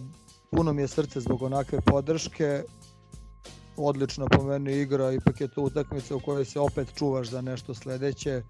Trifa povuko, Anđuša dobar, raspoređeni lepo poeni i skokovi pored toga žao mi je ovaj što nismo i bili kod Dragiše ili na, na teletini u Surdam bufetu, naravno, to je uvek kiks. Ili kod Biske. Ili kod Biske, brata koji ima problema sa šećerom i ko zna kojim pratećim bolestima. ne, ne, stvarno je ono, šteta je, kao eto, odlučili smo se da idemo u Topolu i to je bila vrlo bitna utakmica za, za FK, ali šteta ovako težak raspored vašeg greota ne otići u Čačak i onakve atmosferi gledati utakmicu. Pa i to je za ne, mnoge utakmice Euroligije po meni domaći zadatak. To je to. Tufi, jesi ti ovaj, ispratio utakmicu? Jesam, jesam, jesam. Ja uh, imao nekoliko ovih uh, momenata koji su mi onako bila uh, ne znam, sjećali se neđe, to je bila neka druga polovina treće četvrtine, E, četiri razlike za nas, mi promašujemo napad i svira nesportsku o, Lesoru, jer se ono imao je kao neko klizanje, nešto, pa je sleđa Nije Lesoru, Ledeju. Ledeju, e, Zeku, da, da, Ledeju koji je, koji je udario ono bi se tovirano lika sa rukavom, ne znam kako se zove, neki od njihovih, nije Tomašević, nije se nije 100% igran i on u tom momentu uh, promašuje dva slobodna bacanja, promašuju, pošto je bila nesportska, promašuju trojku, i onda nakon što smo mi pogodili jedno slobodno bacanje, uh, ovaj, Sava Lešić maši dva slobodna bacanja. To je bio moment koji su oni možda mogli da iskoriste da se vrate potpuno u meč, jer tu su promašili četiri slobodna bacanja, jedan napad i ono umjesto tih sedam pojena dali su ništa. I još jedan, zapravo nije jedan moment, nego jedna osoba koja je onako malo obilježila meč, vrijedi da se spomene, je Radonić. Da. Radović koji je tu kao, kao da mu život zavisi od ovoga. Kao da je još naplatio u železniku. Pa, moguće da su bile razne premije, ali nisam želio, nisam, eto Milenko ti bi ga svakako pomenuo, ali eto, da, da, ne, da ne ostaje nespomenut. Znači, momak je tu kao za sve pare. Suđena mu se svijeta nesportska, a gledalo se još dva puta. E, gledalo se odmah nakon prve nesportske, gledali su mu, gledali su mu ponovo, ponovo nesportsku, Tako da, ono, druže, skala i malo i eto, dragi mi što smo usporili potpuno bili ovoga Hunter Hale koji je njih ubedio najbolji igrač, jer on je kolo prije toga dao Ciboni 40 poena ili tako nešto, možda dao 7-8 trojki, a protiv nas je šutirao 1 od 7 za 3 poena, tako da E, bravo, bravo. To, to sam isto teo i zaboravio sam da istaknem. Dakle, posle Feca Rasela sa 40 poena u proseku smo ga spustili na 9 poena, tako i, i Hela koji je na E, to je- sigurno... to će- E, da, to ćemo da vidimo da li je, da li je, pošto to je već u ABA ligi, već drugi domina, ajde, dominantni, ajde, možemo slobodno reći dominantni igrač na poziciji playmakera koga smo mi ajde, potpuno, potpuno ugušili. Tako da je to već, ono nije da je, jer smo onoga, Rasala, ono je bilo sramotno što smo napravili, Kukovac nije znao gdje je lijevo, gdje je desno. Da, ali bukvalno, o, bukvalno nije znao gdje, šta je, gdje mu je dupe, gdje mu je glava, ali nije bitno. Ovo je već drugi igrač, dominantni playmaker koga smo mi potpuno odsekli, a borac, bog da mi dušu prosti, ali ovo je ekipa baš, baš ono za samo, samo dno ABA lige. Jer oni, oni ako ne pogode 15 trojki ne mogu nikog dobiti. Tako da, to, to je to što se tiče, što se tiče ovog meča. Jeste, slažem se, zaista skromna ekipa, imali su neke poraze na jednu loptu od Cibone, od Zadra, kući posle produžetka i tako dalje, ovaj, ali dobro, mislim, ne biramo mi protivnike, niti mi krojimo, dakle mi nemamo taj luksus da krojimo tim bar, bar još jednom timu ovaj, u, u ligi za razliku od nekih naših konkurenata, tako da jedna vredna pobeda na, naročito nakon ovoga što smo juče videli da se desilo u Pioniru, dakle nema jednostavno e, kol- koliko god da je razlika u kvalitetu, opet postoji taj moment lošeg dana.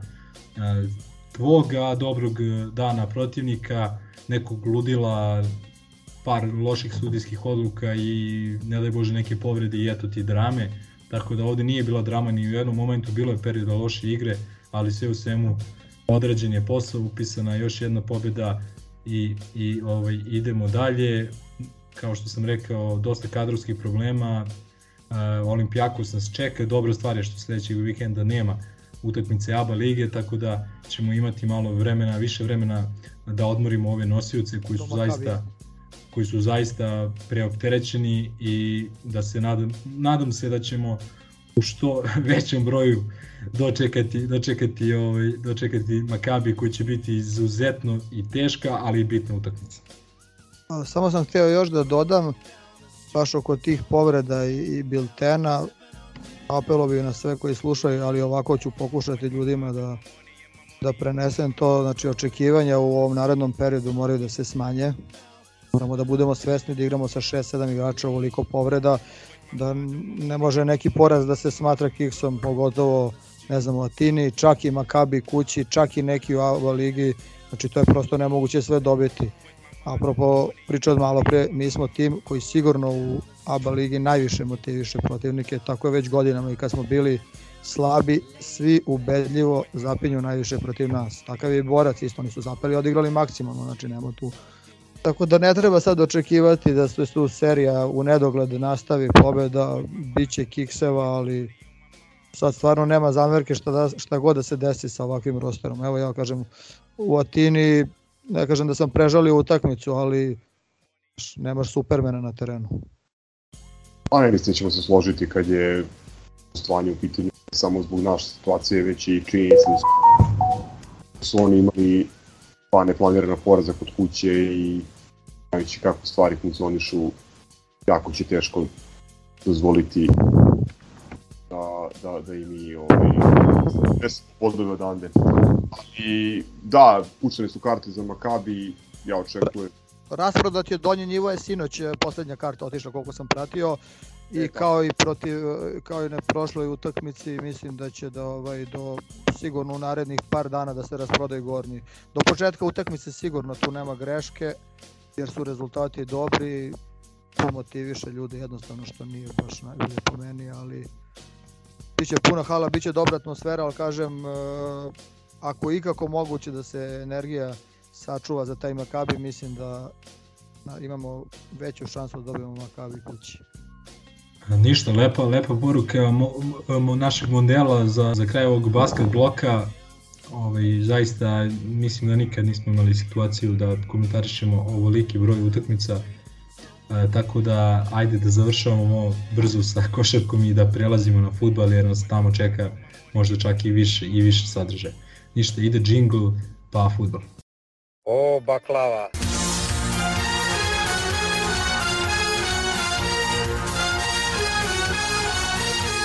Nisam ja od, e, le, u lepoj sunčanoj Valencije rođen tamo sa, sa štiklicama.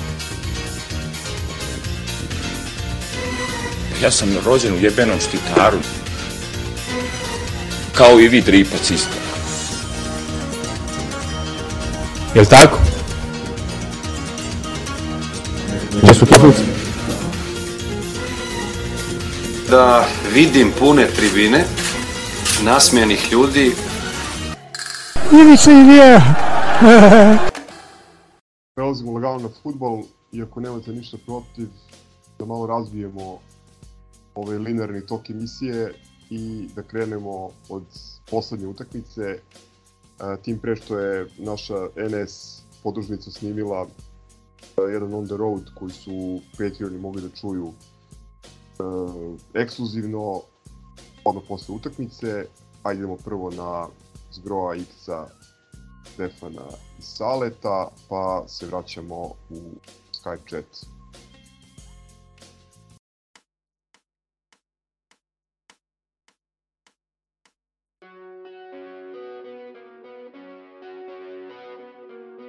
Pozdrav svima, još jedan uh, on the road u opciji NS ekipe. Vraćamo se iz Topole posle tekme sa TSC-om, Zgro, Sale, Ikac i Stefan. I ajmo polako ovaj, da svako da neke ovaj, impresije. Ja ću da počnem samo sa onim što uvek potencira kada pričamo o Topoli, to je stadion jebeni koji je najbolji definitivno u Srbiji posle JNA Hehe. Ovaj, u smislu logistike, ono, lepote samoga zdanja, onoga što pruža gledalcu, stvarno mislim da su čak i prošli put lamentirali što ne postoji u svakom neko ili veće mesto bar jedan ovakav stadion, pošto je stvarno ono, čak i utakmica sama po sebi koliko dobra, da to bude bolje kad gledaš znači, na ovakvom nekom stadionu. I ovaj, toliko je dobro bilo da nam je žao bilo nalepnica za lepimo. Ja, bukvalno, bukvalno, što se nikad ne dešava, no, kao glupoti je da skrnaviš po bilo kom osnovu stadionu, baš fenomenalno. O, ništa, ajmo sad malo tekmi 1 po 1 zgro. Ajde samo, kad si već ovaj, pomenuo stadion i to, e, s obzirom da je malo kapaciteta i da se znalo da će karte da, da planu, pa smo se, hvala Bogu, ono 150 puta kreditovali na razne. Ali da, samo bitno smo uspeli kupimo karte i online, nismo trebali da, da razmišljamo uopšte da li ćemo da proklizamo negde, tako da ono, bile sigurice obe opcije. E sad ono što je, što je, što je kao ono, da ne veruješ profesionalnost ovih ljudi iz Topole, da su na svaki zahtev za akreditaciju odgovorili i potvrdno, znači mislim da je mogo, da si mogao od kuće da pošalješ i da napišeš ono radim za redakciju i kad uh, profinovinar.com i dobio bi je garant. Uh, dopisivali smo se sa kako je čoveku ime jebote, daj da mu se zahvalim. Ovaj, koji je ej, pa zašto nije ovaj dobio, ej, ne brinite, ući ćete svi, nikakav problem, svi moraju koji su se akreditovali dobit će ovaj, akreditaciju. Uh, znaš, a ovamo, na primjer, kao kad šalješ na Partizan, ti ne znaš do momenta kada ideš po nju, Već si krenuo da, li, da, da, krenuo si, ne znaš da li si je dobio ili nisi. Znaš, kao čoveče, da li je moguće da su oni ono kao, ne znam, ono kao ozbiljniji, šta, ozbiljniji klub od nas. Profesionalni. Profesionalni, neverovatno. Eto, čovjek se zove Atila P-O-C-S Poč, Poc, Poš, kako god. Uglavnom kaže, evo, da, odnosi se vašoj kolegi. ovaj, aj dobro, ništa. Da, A ja bih samo napomenuo da TSC ima na sajtu ovaj, automatski način za akreditovanje, što nema ni jedan drugi futbolski klub u Srbiji. Znači, svi ostali šalju mailove dok kod njih lepo možete da... Da ima type form i... Da, I dobiješ automatski reply da, su, da je zaprimljen zahtev i ja ne znam da je nekad neko odbijen. Eto, to je ono koliko je to dignuto na viši nivo u odnosu na sve ostale, pa nažalost i Čak i sama prodaja karata je odlično realizovana, jer dali su informaciju u ponedeljak da su karte dostupne od utorka na blagajnama i onda uz opciju da četvrtak postoji i online varijanta da tako da je realno stvarno čovjek mogao da kupi kartu i bez da zapuca u Topolu, što generalno onako mislim da, da stvarno ne postoji klub trenutno koji ima takvu ekipu koja ga vodi u svakom segmentu, bar mi deluje. A, da, da se nadovežem, mrč koji smo vidjeli isto opet e, ludilo. Mislim, pokušavam da učem paralele, ali niko mi ne ide ni u smislu artikala koji su dostupni, a ni načina kako se prodaju i Da, da, da. reklamiraju. da ti na svakoj tribini ispod svoda, a ovde konkretno u šta je to ono kao hall, jebem, restoran, da. loža ili kako god ga nazvali, ti imaš štand sa mrčom, sa devojkom koja prodaje ne ne znam sad koliki izbor, ali ono najosnovnije od benkice za bebu, preko majice, dresa, šolje, čaše, Zidnih olovke, satova. zidnih satova, da ono kao 30 artikala ima na tom malom mobilnom mrču i ona ima uredno ovaj, fiskalnu kasu i to sve funkcioniše kao bilo gde na zapadu. I cene su sasvim prihvatljive. E sad nisam se nešto raspitivao za Ja sam pitao za, za, za šal, benkicu, da, prilike neki 1000 dinara. To je, A da, to je ba, ba, i više nego ok, realno. Dobro, utakmica. Pa ajde kao nisam očekivao da ćemo krenuti sa tri štopera, čim pre, tim pre što, što je ovaj mali Ilić ovaj, po nekoj, ako sam dobro ja ukačio, on i nije štoper dečko, on je neki zadnji vezni, ali smo igrali sa trojicom nazad, a kad je Petrić prvi put odustao da igra od trojice nazad, mi smo počeli da igramo futbal, e, što se i videlo u prvih 45 minuta kad nismo bukvalno mogli da se spojimo, da se ono dva pasa. Žao mi je što što što Dača Pantić ne znam, ono kao stalno očekujem ono koliko je on u Partizanu, sad Lupiću 7 godina. Ti, ja se stalno nadam da, da, da kao je sad će, e, to je to, e, to, ok, izašao iz povrede jedne, pa druge, pa pete, pa sad pozemice, pa se vratio ovamo, pa otišao. Znaš, kao šesti put je ovde, ok, ajde, možda će prođe pripreme, pa nešto na proleće, ali ti ispadne ovaj, da nam je on bio najtanji, jer je on bio taj koji treba napred nešto napravi. Ali da, na nama veze između praktično odbrane i napada doslovno nije postojalo. Mislim da, da, da ono, TSC nas je pretačao u svakom smislu, igli su agresivnije, mi smo povezali dve normalne laptop u prvom polovremenu, mislim onako baš jedno tužno izdanje, mislim, nisam dugo video tako jalovog partizana i delovo onako bezopasno. Mislim da je priča od golu bilo ono što je čak i zavario negde neki volej u tri pičke materine, to je bio 30 neki, tri, neki minut, 30 da. neki minut, da, baš je Da. onako užasno. Da, pre gola naska, mislim da smo imali dve poluprilike. Polu, nešto, i to je to. A oni upadljivo pasniji, ono, stalno su pretili. Ne, prosto sam- mi neverovatno Da. da, da oni ljudi igraju toliko tečno, da su toliko precizni u dodavanjima, da su ti ono iz tri dodavanja on ti pređe od njegovog do tvog šestesterca. Mislim, svaka im čast. Po, po logici bi trebalo upravo da bude obrnuto, da ono što igrali, oni igramo mi i da mi zapravo budemo oni, a bilo je stvarno ako, tragično gledati to prvo vreme. Dobro i namestilo se da su krenuli iz centra, dali go odma. Da, kao na prošloj takmici. Da. U, u Topoli isto. Da, ali je ovaj, opet svaka im čast što su ekipa koja nije defanziva, koja igra 90 minuta ono ofanzivno napadački. Znaš, oni su mogli da pegle u bunker, da, ono, da igraju destrukciju neku najgoru. Ali, ovaj... Da, oni su nas napadali konstantno, mislim, bukvalno 90 minuta. U nijednom momentu nisu nešto se povukli, ni kad su vodili, ni kad su jurili, jurili, ništa, bukvalno. Ja mislim da su oni igrali u četvrtak sa onim, kako su zvali ovi, H- Hradištem, Da, pokidali bi. Da. A s, s ovom igrom da, definitivno. Ako, Da. su, ako su mi stavili bod. je. Da, da, pa da. Dobro, drugo polovreme, drugi, drugi Očekivana tim. izmena, je. da, na, žao mi što je izašao ovaj mali. Da, Ilić Ovaj, odlično odigrao, da. Pa, znaš, imao je ono dva, tri nepre, neprecizna dodavanja gde su oni kao neke kontre pravili. Ali ništa lošije nije bio nego bilo ko od matorih. realno. Tačno, s- da, što kažem, u prvom polovremenu ništa, osim ono, što je ono, milimetarski preciznog udarca natka za izjednačenje. Ovaj, drugo polovreme, znaš, kao bilo je očigledno da će ono Petrić da skloni jednog štopera. E, mnogi oko nas su se nadali da će to biti Saničanin, a da će uvesti Baždara, ali je on to ovaj, odigrao da zameni klinca za klinca. Na kraju se ispostavilo super što je ostavio Saničanina. Ovaj, a eto, komentarisao sam i u porukama, obožavam kad neki antiheroj metne gol. S tim što to ima svoje reperkusije da nam možda čovjek ostane za ove koji 11. Nemam ni, ja be, majke mi, ja nemam ništa protiv. Pa neki Ok, mislim, igram.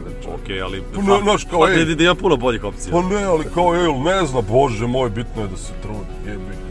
Ne, ne, ne, Ma da, ne gledaj više s greši on perspektive da, da ako imaš boljega, možda bolje ti igra bolje nego slabiji. Sad, razmišljam naglas, možda grešim, jebi ga, nemam pojma kako već. A viš, on sad ostao, ostao slabiji, pa slabiji Jest, dade gol. I ono, zakucao je mamački, ono... Drugo polovreme odlično, utakmica ono na nivou ozbiljne evropske tekme. Ovaj, I oni i mi, mene je samo tu kao malo, ok, sudija puštao je malo tu grublje igralo, ono je sramota što nije svirao faul za Natka. E, kad je onda dao Natku i, i Urošoviću žute, a ovi iz kontre ti dali, mislim ne iz kontre, ali iz sledećeg napada, oni poveli je. No, stvari ne poveli, nego Izjednačili. da. Tako da, fajt. Ali dobro, na kraju se sve lepo završilo. Da, na Dakle, 3-2 Rasula na stadionu, baš lepa cifra grobara od Kaveza preko tribina ostalih. Onako, baš je bučno i emotivno proslavljen taj treći gol i eto, završili smo jednu muku veliku, pa još dve tekme i pauze. Još dve muke, Da, još pa dve da. muke. Pa, ne, ali fakat je dana forma baš jako u padu. Pa od Kelna, Da, znaš, kao, jest. ko je ono komentarisao, kao, ja, zgro, si pričao za ovaj e, Hradište, da je to rang Javora. Ja i dalje tvrdim da je Hradište duplo slabija ekipa od Partizana i da su nam došli u onom momentu kad smo i ono tipa septembar, oktobar kad smo se klali sa Nicom i Kelnom ravnopravno i tamo i vamo i kad smo Kelna nadigrali ovde da bi sa takvim pristupom, igrom i formom ovaj, ekipe dobili Hradište bez problema dva razlike, a pred utakmicu četvrtak potpisivo sam daj 0-0, molim Da, te svire svi, kraj da, da, odmah. da, da, isto. odmah da se ne igra ako može. Još kad su ovi krenuli polo, tamo gore po istoku da skaču, jao evo 2-2 Keln, Nica, rekao, brate, ne valja, sad će nam ovi dva dati garant. Zašto svi, e, prvi smo, nismo prvi, zajebiti to. Daj ti da mi prođemo, uopšte nije bitno da li sam prvi ili drugi.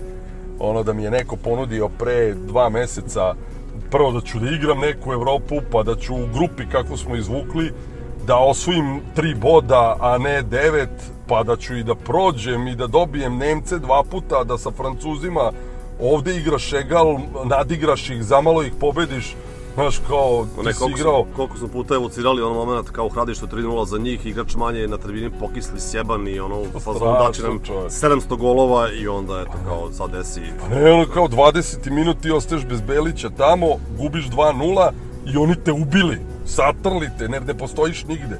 I kao, vrata, hoćemo kući, kako ćemo kući? Da, za- sad, za Noja- sutra treba ajmo za- putovati, za Novi Sad, kiša pljušti, kao sutra treba putovati. Da, vrate, smoreni, ti tu okrećeš ono ludilo. Da, ništa, ostalo nam još dva kola, Spartak u pola pet, četvrtak i Pazar i onda ide pauza poveća pa da se konsolidujemo, nadamo se i vratimo se u formu koja je postojala pre ovog pada, što bi se reklo. Evo, da ne bude, da ne bude da ovaj, se ne sluša i aktualne stvari, da završimo sa hitom sa najnovijeg albuma High Visa.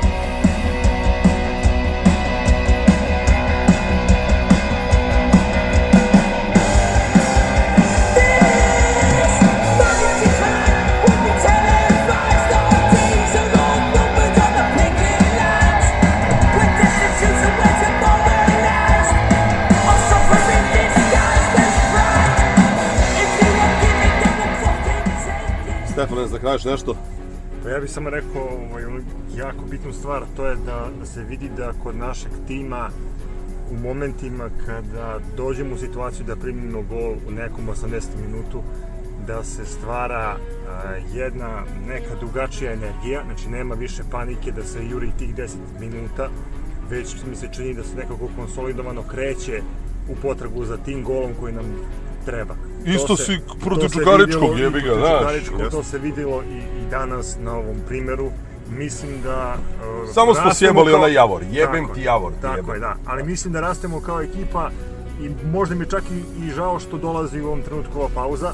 Ma dobro je, bre, viš da su izginuli svi. Pa dobro, ali mislim da, diš. da sa reprezentativnom nekom pauzom od nedelju dana mi bi izašli mnogo jače i mnogo bolje spremni. Ovako imamo dva i po meseca I samo da ovi ne prodaju 8 od 11 Da, igrača, da, više. što je vrlo realno pretnja. tako ali da. u, u suštini možemo da budemo zadovoljni trenutnom igrom Partizana. To je to. Odjavljujemo se. Pozdrav od Evo, NS, ode pesma u NS sekcije. Zdravo grobari.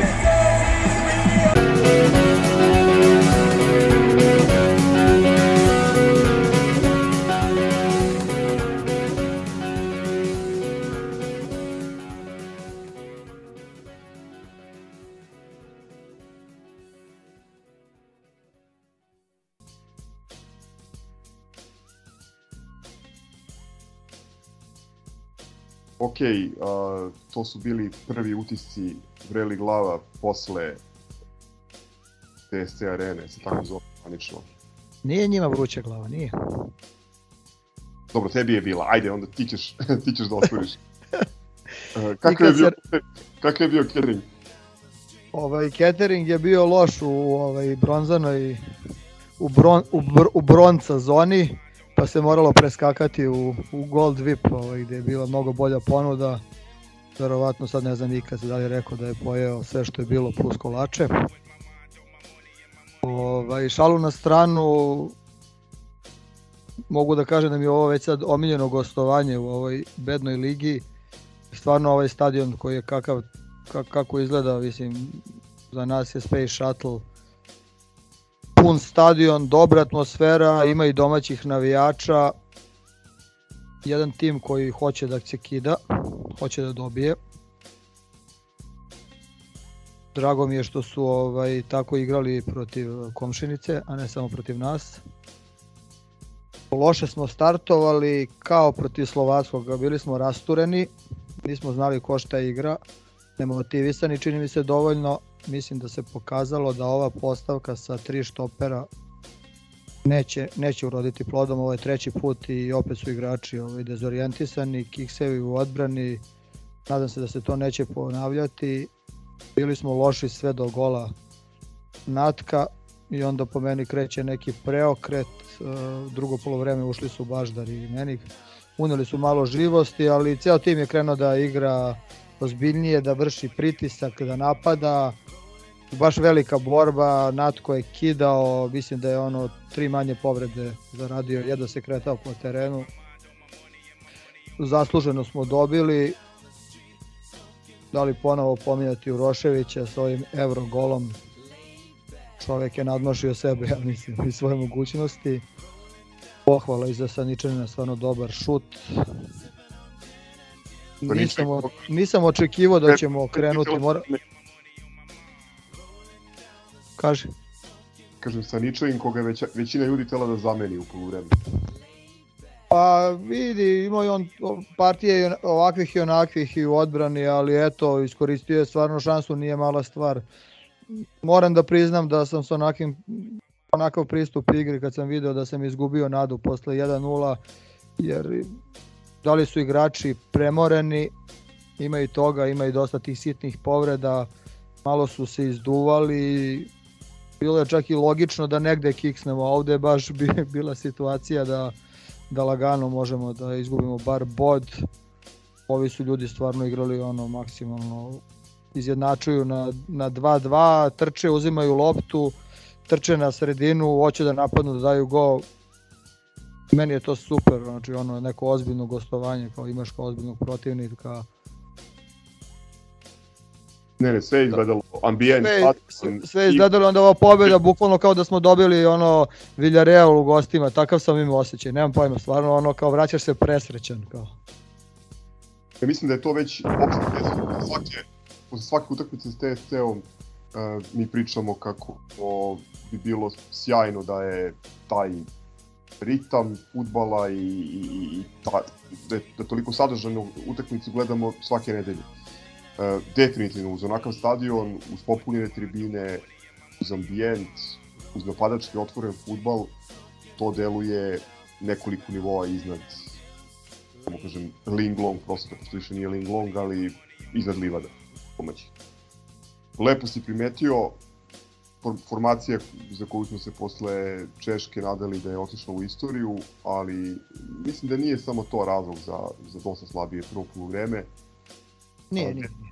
Definitivno nam je forma u padu posle onog dvomeča sa Kelnom, što je negde i logično jer i, i, i ovde imamo manji izbor igrača od direktne konkurencije i imamo diskrepancu ili, ili ogromnu razliku u kvalitetu između igrača koji su nosioci igre, koji su se definitivno izduvali u ovom prethodnom periodu i igrača ovaj, koji su na klupi od kojih se očekuje da daju neki doprinos. Tako da mislim da je kombinacija umora i informacije, ali opet mislim ništa, ništa sporno. Ja sam pre utakmice pričao s par ljudi, stvarno sam očekivao da ovde ovaj, možda i, i neki bod, jer TSC igra pošten futbol, zna se, mislim, Lazetić ih sjajno vodi i do, dobro su selektirali ekipu, zna se ko šta radi tamo, stvarno su bili bolji u prvom, prvom vremenu, gol u prvom minutu. Žao mi je što, što ovaj, će u senci svega toga ostati ovaj prvi eh, debi od početka ili Mihajla Ilića, od koga očekujemo dosta u budućnosti, ali eto, tako je bila situacija da da ovaj da nismo nismo izgledali dobro na samom početku. Sjajan gol Natka, verovatno jedino mesto gde mogu da prođe futbal između nekoliko igrača. Uh, Topole, sam ugao pogođen i to je prethodila jedna onako ha, neprimerena, čudna, bez, bezazna situacija. Uh, jedan verbalni duel Živković i Diabate uz, uz desnu liniju, out liniju, da je Natko u stilu kapitena bez, bez kapitenske trake ih je nakon proslave gola onako priglio i, i, i pokušao da ih pomiri. A, još dve samo stvari bih rekao, da o ovom golu Roševića mislim da možemo ćemo dva dana. A, dve sporne situacije prvom poluvremenu ili dve i po, e, dva puta je sudija mogo da svira penal za TSC, treba biti iskren pa reći, što su odmah ovi dušebrižnici i veliki moralisti iskoristili da skoče i da se pozivaju na, na regularnost futbala, valjda da bi svi zaboravili da su ispali iz Evrope i da im je sada izvanično naučno utvrđeno svirano najviše penala u Evropi, znači u svim evropskim ligama u poslednjih 8 sezona. Ponavljam, najviše penala u Evropi, zvanično, u svim ligama. Svirano najmoralnijem, najpravičnijem klubu koji nikad nije izgubio. Šteno. E, da, još samo jedna stvar, e, sa ničim gol nogom, mislim prvi prvenstveni, dao je protiv Santa Clara prošle godine oko Evropa. Inače, on je interesantna trivija, ne znam da li znate, on je 15. futbaler Partizana koji se upisao u strelce ove sezone. Jedan fantastičan kvalitet timski. Cela odbrana daje golove, to je neverovatno. To mi je ono utisak, utisak ove polusezone. Trobi. Tu sam. Uzimajući u Da, da, tu sam. Večeru, izvoli, baci se na TSC, kao desert. Da, završio sam večeru, to je ručak, kao što se obično dešava utorkom, za koji bih zaista pohvalio svoju divnu verenicu, zaista ga je spremila fantastično. A sad, što se uh, TSC-a tiče, uzimajući u obzir da nam je forma u padu, uzimajući u obzir da su nam najvažniji igrači istrošeni fizički, a svi igrači sasvim sigurno istrošeni psihički nakon one traumatične utakmice protiv Slovačkog. Uzimajući obzir u kakvom smo sastavu istrčali na teren, sve jedno, da li je to bila formacija sa tri štopera od koje se svi ježimo, ako Ilića shvatimo kao štopera, ili je to bila formacija sa uh, Ilićem i Fejsom kao zadnjim, zadnjim veznima, šta god da je od ta dva bilo, na osnovu toga sam vam napisao, setit ćete se, da sa takvim sastavom treba da idemo na pobedu od 4-3 recimo, da nemamo šta da čekamo jer ćemo golove sigurno primati. Primili smo dva, vrlo smo lako mogli još neki. I povrh svega, ne prvi put ove sezone primili smo gol iz slačionice kao protivnice, primili smo gol u drugom minutu. Ovo je bio još brži, čini mi se. Kada sve to sabere, činjenica da smo mi na posledku uspeli da pobedimo ovu utakmicu pretvara izvesno u jednu od najvećih pobjeda ove sezone. Nadamo se da nas još poneka evropska čeka, ali čak i toj konkurenciji ovo će da se pamti, jer uh, uz ovo što sam već kazao i kao što ste primetili, a nije na, kao što ste svi primetili, ali nije na odmet podvući, TSC je tim koji zaista ne igra uh, superligaški futbol, igraju uh, neverovatno smisleno, neverovatno tečno, kogod je odgledao utakmicu video je da su nas ljudi 5, 10 koliko puta e, izbacivali iz tračnice, da su nam, da su nam odvrno izbacivali, stvarali su, stvarali su šanse, imali su opasnih prilika, pa najjednostavnije rečeno, onoliko koliko cigani najčešće nemaju na utakmicama protiv nas. I nakon kiksa, umesto kiksa koji smo gotovo svi očekivali, dobili smo pobedu za koju ne znamo da li će išta značiti za e, za plasman u Super ligi, ali za podizanje samopouzdanja u jednom teškom igračkom periodu sigurno, sigurno hoće. Što se našeg uh, Sloberta Carlosa tiče i golčine koju je dao, Rado bismo, rado bismo tome svi sada vezli verovatno, ali za to nemam vremena pa ću umesto toga da podsjetim samo da je ovaj gol bio njegov 13. gol za sezonu i po. U prethodnoj je dao 7, za ovu polosezonu je već dao 6. To je učinak kojim mnogi napadači Partizana u prethodnih deseta godina nisu, nisu mogli da se nisu mogli da se pohvale. I ne samo što je dao 13 golova za sezonu i po, nego je, nji, nego je niz tih golova bio važan. Podsjetit ću na to da je dao gol, da je prošle sezone dao golove agentu u gostima, da je dao oba gola u pobjedi protiv TSC od 2-0 upravo na JNA, da je dao gol Ciganima u finalu kupa, a da je ove sezone pogađao protiv Čukariškog za pobedu i evo, ne mnogo kasnije, sada je protiv TSC za pobedu i hajde što daje gomilu golova, hajde što daje važne golove, čovek daje sve lepše i lepše. Golove...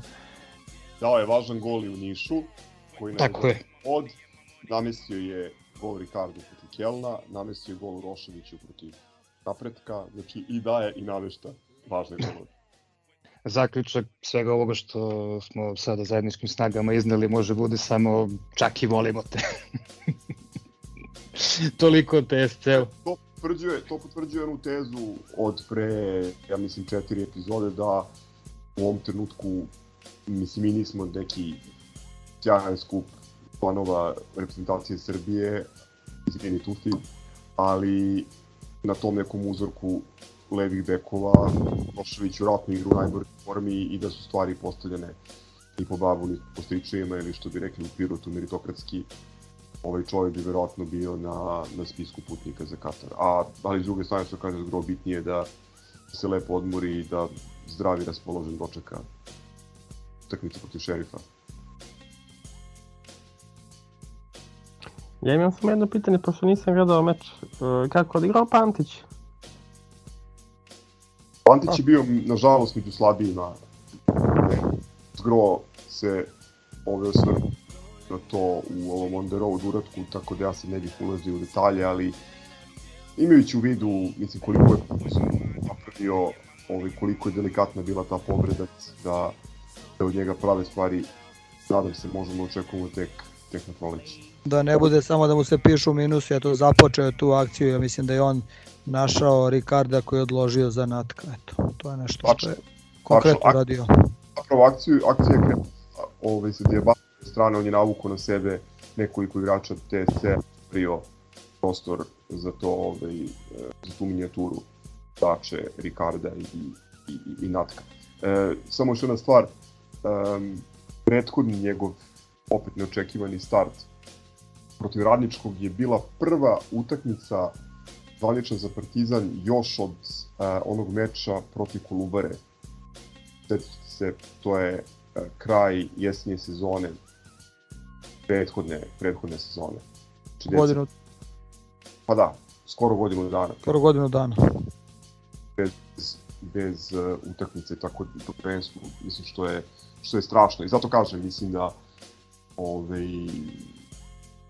velika pauza je za njim komplikovana situacija sačekajmo da odredi pripreme i nadam se da će na proleće biti onaj pravi dačak kako želimo da gledamo u dresu Partizana. I ostali, Milenko, jesi tu i dalje? Nisi pobegao posle košarke? Jesam, tu sam i ja bi se samo zahvalio, ovaj, zahvalio bi se Slobodanu Uroševiću na, a verujem u ime mnogih braćama, jer nam je donio lepe pare to veče. Ovaj, ali, ali stvarno jedna utakmica, ja mislim da ovo snimamo već tri godine, tri sezone, pričamo svaki put, posle svake utakmice sa TSC-om, da je sreće da je više ovakvih timova. Mislim da je svake godine apsolutno isti komentar i dalje, eto, važi ista stvar. Zaista je bilo uživanje gledati utakmicu, čak i verujem i ljudi koji manje ili vole ili prate futbal, mislim da su apsolutno imali imali ovaj razloga da uživaju u odličnoj i ajde, nismo mi igrali odlično, ali sama utakmica plus ambijent je bio zaista onako a, za sladokusce, ajde, tako da, tako da kažem. Ima li još neki komentar ovaj, na temu basketu pola ili da, da pređemo na ligu konferencije?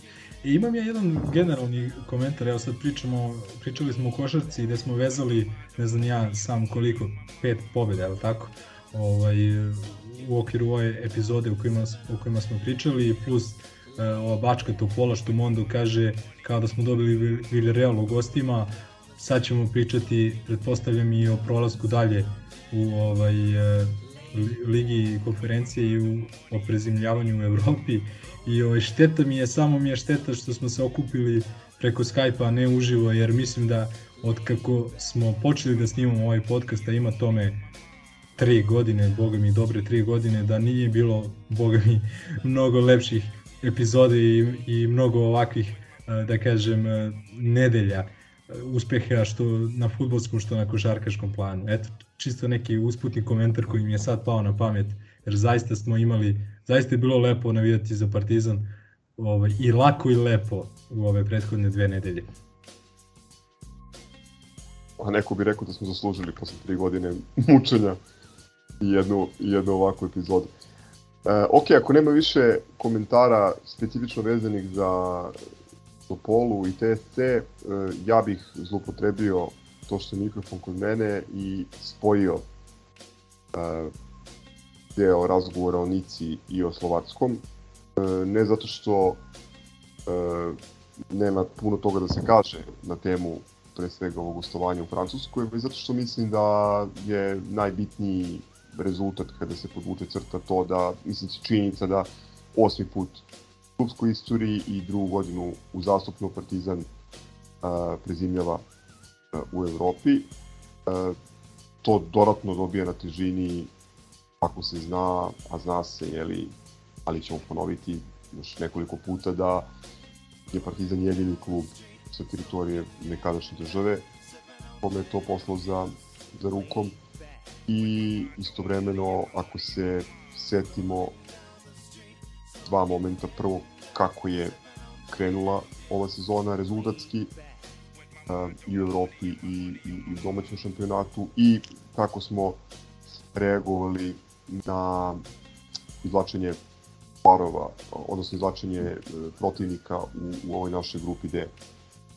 Uh, to je bila, čini mi se, deveta epizoda ove četvrte sezone. U svakom slučaju, uh, ono, kad su ugašeni mikrofoni, ja sam se sećam da su neki komentarisali da bi bila da bi bili srećni sa 5-6 bodova grupi, a, a postoje taj neki čudni utisak ili čudni komentar da, da je Partizan mogao i više i da je mogao do prvog mesta. svakako da je mogao, ali kada se stvari stave u kontekst, se pogleda koliki smo put prešli kao klub, kao ekipa pod Gordanom Petrićem, mislim da je ovo, da ne treba biti alavi, da je ovo jedan, jedan van, van serijski uspeh. Um, ne znam, neka svako sam sebi postavi pitanje onako iskreno šta bi dali da nam je neko dan posle žeba ponudio ovakav raspad i, i, i rekao da ćemo igrati sa šerifom za osminu finala Lige konferencije. Uh, I da će da ćemo imati dve pobede protiv odnosno duplu pobedu protiv predstavnika Nemačke, bez primljenog gola i da ćemo nadigrati jednu izuzetno jaku nicu u Beogradu igrati manje više ravnopravno sa, sa, sa njima. Um, samo još jedan utisak kada je u pitanju Nica, ali tamo to jeste poraz koji ne boli puno, ostaje žal, imali smo oko 3 minuta radosti ovaj, kada je kada Ricardo postigao gol i podsjetio šibrižnike da eto ume da da gol i protiv kača protivnika, verovali ili ne.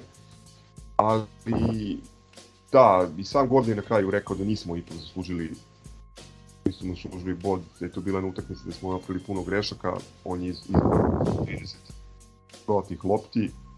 I tu se vraćamo na problem umora, odnosno problem kratke klupe koje dolazi do izražaja protiv svakog nivola ozbiljnijeg protivnika. Ja ću samo da poentiram time da, eto, naša druga izmena na toj utakmici je Lutovac, a peta izmena se je mladi reprezentativac Italije koga su platili 13 miliona evra. Eto, to je to su prilike te neke relacije, to je kontekst kome treba posmatrati učinak naših igrača i, i ovaj, ponavljam još jednom, ogroman uspeh koji je Useknu Partizan napravio u Evropi.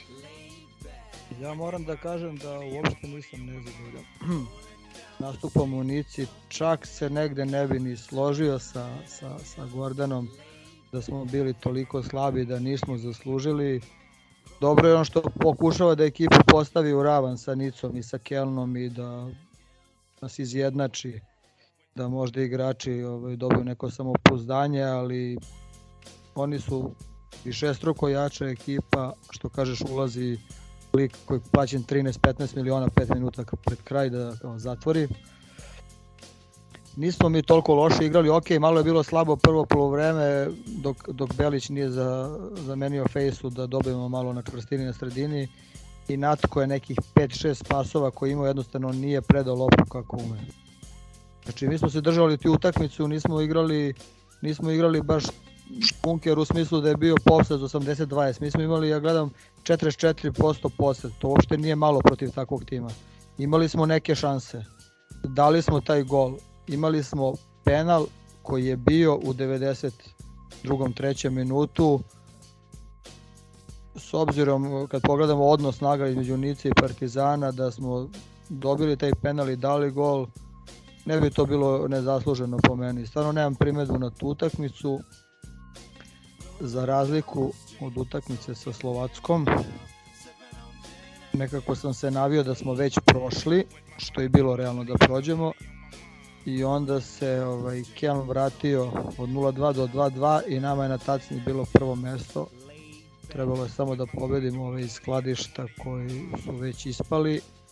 Oni su hteli tri boda, napadali su, mi smo bili dezorganizovani Ne znam da li su igrači bili uplašeni, ali su malo delovali panično, igrali su daleko ispod svog nivoa.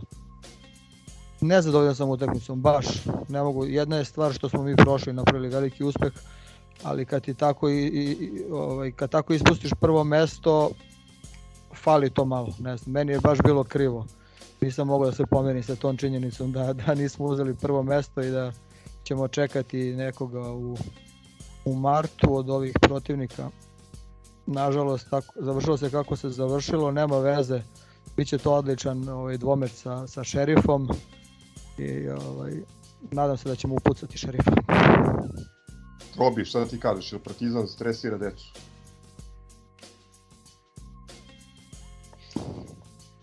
Partizan svakako stresira decu prema novinskom naslovu.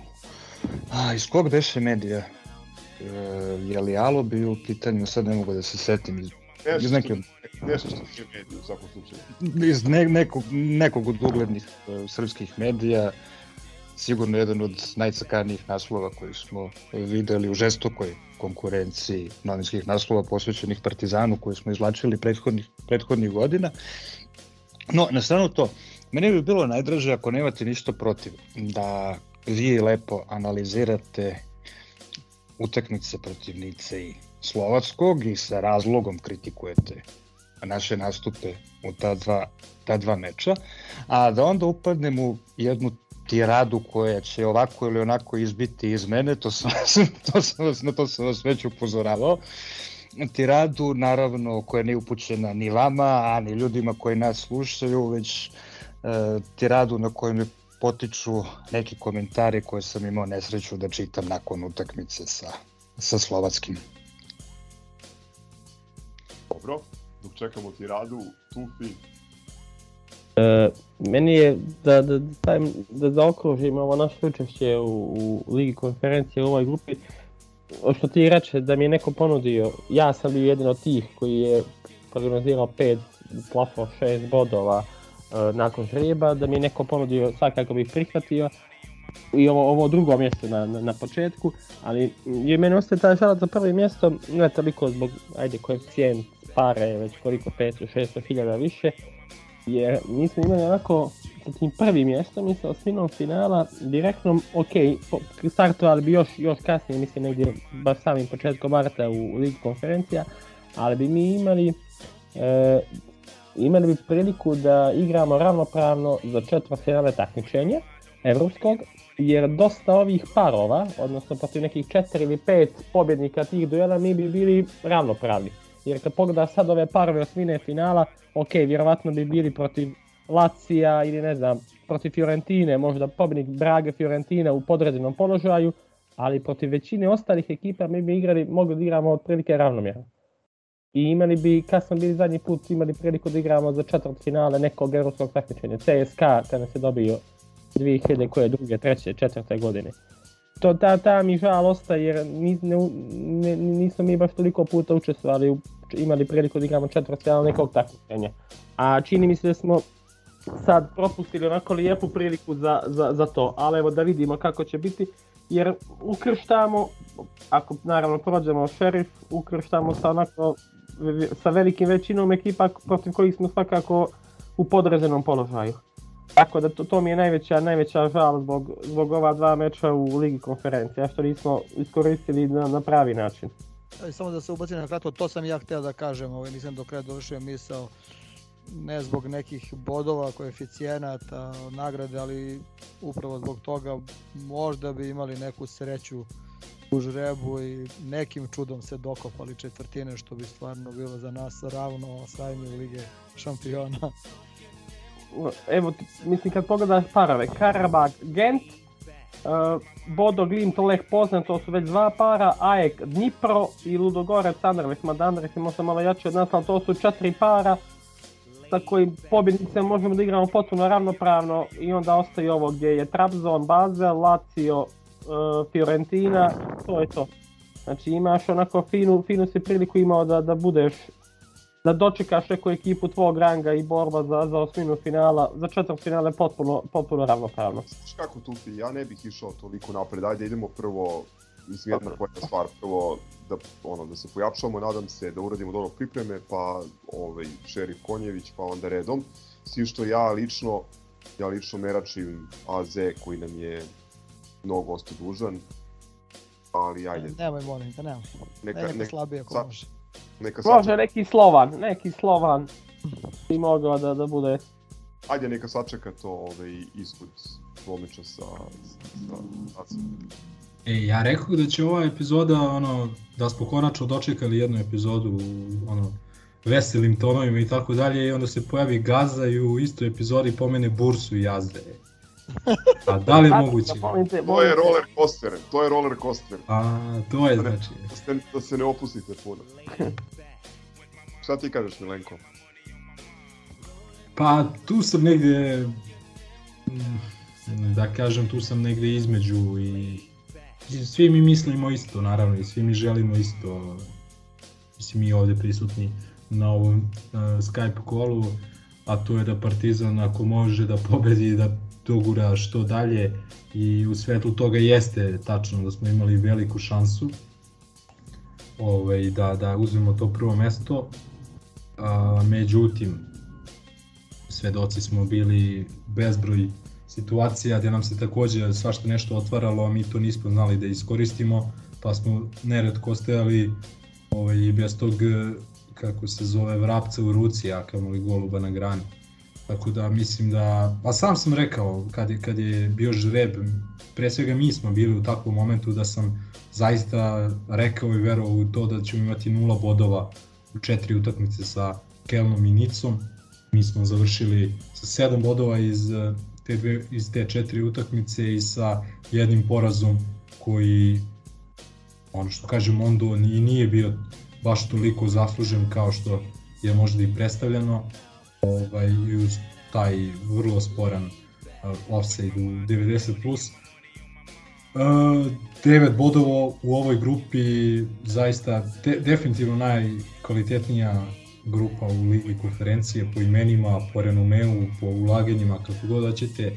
Ostaje, eto, naravno, ostaje da žal da smo mi protiv Slovačkog uh, uzeli samo dva boda, a opet setimo se i otvaranja sa 0-2 i sa crvenim kartonom i tako dalje, da nam je opet neko u tom momentu rekao, odnosno ponudio da ćemo završiti grupu kao drugi uh, na, na tabeli, mislim da bi svi obe ručke prihvatili tako da ne treba, ne treba uopšte biti nezadovoljan. Uh, šerif isto izuzetno pomeri, mislim da apsolutno može da se prođe. Ono, nadam se da će klub pokazati ambiciju u toku ove pauze zimske i da će možda malo ojačati tim i, i Čuvene da se... potonje reči. Da, da, i, jer ovo je izuzetno prolazno, a onda i što kaže Tufi, može tamo ti upade neki leh, Karabag, šta ti ja znam, pa i taj Anderlecht nije nikakav bauk. Ne mogu, da...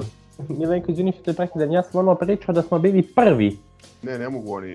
E, jač, ono, je, ono je moje bilo da smo mi bili prvi, pa da, da se nadamo nekim tako, sad malo jače ekipe. Idemo na ekipe koje su bile prve u grupama. Tako je, West Ham... Čujući i Nic. E, da, da, West Ham dvije turske ekipe i Slovan je tu... Sivas, Slovan, Bratislava, AZ Alkmaar. Pa dobro bre, Slovan, Slo, Slovanu napadač, ovaj, kako se zove, Šapunjić.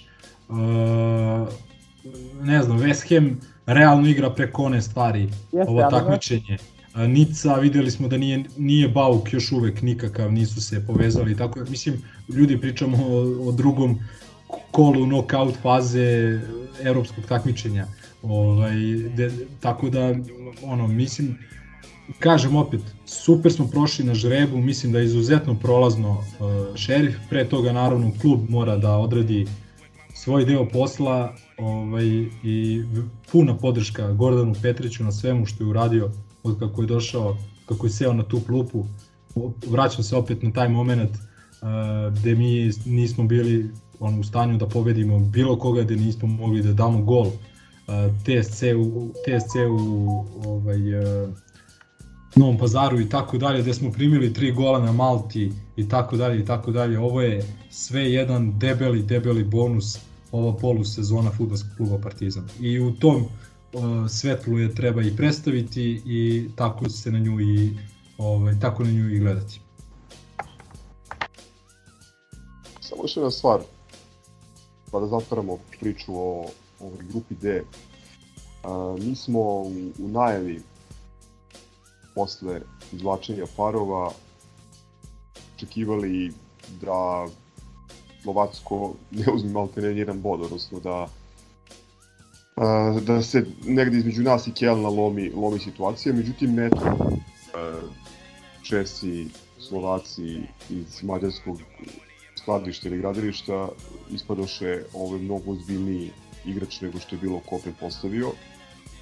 Ne treba njih pocenjivati, mislim oni jesu možda neatraktivni i individualno skromniji ovaj, od, od ostalih, sigurno od ovih klubova iz, iz uh, Lige Petice, ali oni su pobedili Nicu na strani, oni su u Kelnu uh, u onom trenutku imali 2-2 Kelna, pa na kraju prosuli to. Uh, na svom terenu su izgubili 1-0 i to ovaj, Keln im je dao gol iz penala. Iz drugog penala. Jedan, jedan su promašili. I to je bila egal utakmica, baš sam gledao utakmicu, zanimalo me to, to je bukvalno bila egal utakmica, možda je Keln za nijansu imao neke kao akcije, bolje šanse, ali u pravu si, izvini što sam ti se ubacio, u pravu si da ne ispadne sada sam ja kao pocenio, nismo trebali da dobijemo 3-0, krivo mi je što nismo naravno prvi, ali dobro su oni odigrali, uopšte nisu ekipa za punjenje. Pa ne, meni, meni je bilo sasvim jasno, eto to, ovaj, stesiranje dece, jeli, oni su došli u Beograd bez tri najiskusniji igrača, bez tri igrača koji smo se mi naj, takmiče najviše plašili, to su ovaj, Kadlec, uh, Petržela od Stocinu Leta i Kozak koji što igrao za Lazio i za Vilu. Međutim, oni ono, igraju, imaju nesečnici dva, dva napada, igraju čvrsto direktno, kreću se ko vojska, dobro pokrivaju, dobro zatvaraju, a mi, e, mi smo definitivno izduvani premoreni, došli su nam u lošem trenutku i kao što je Zgro rekao, mislim da smo igrali, verovatno da smo igrali u, u onom momentu kada, smo, kada nam je Kjell naleteo, verovatno bi ih dobili. Ali ne treba biti nezahvalan, ne treba, mislim, ovo je, ovo je rasplet ovaj koji realno niko nije očekivao. Mislim, mi nikad u istoriji nismo pobedili pobedili dva puta u sezoni klub iz Nemačke. I ovaj, to je to.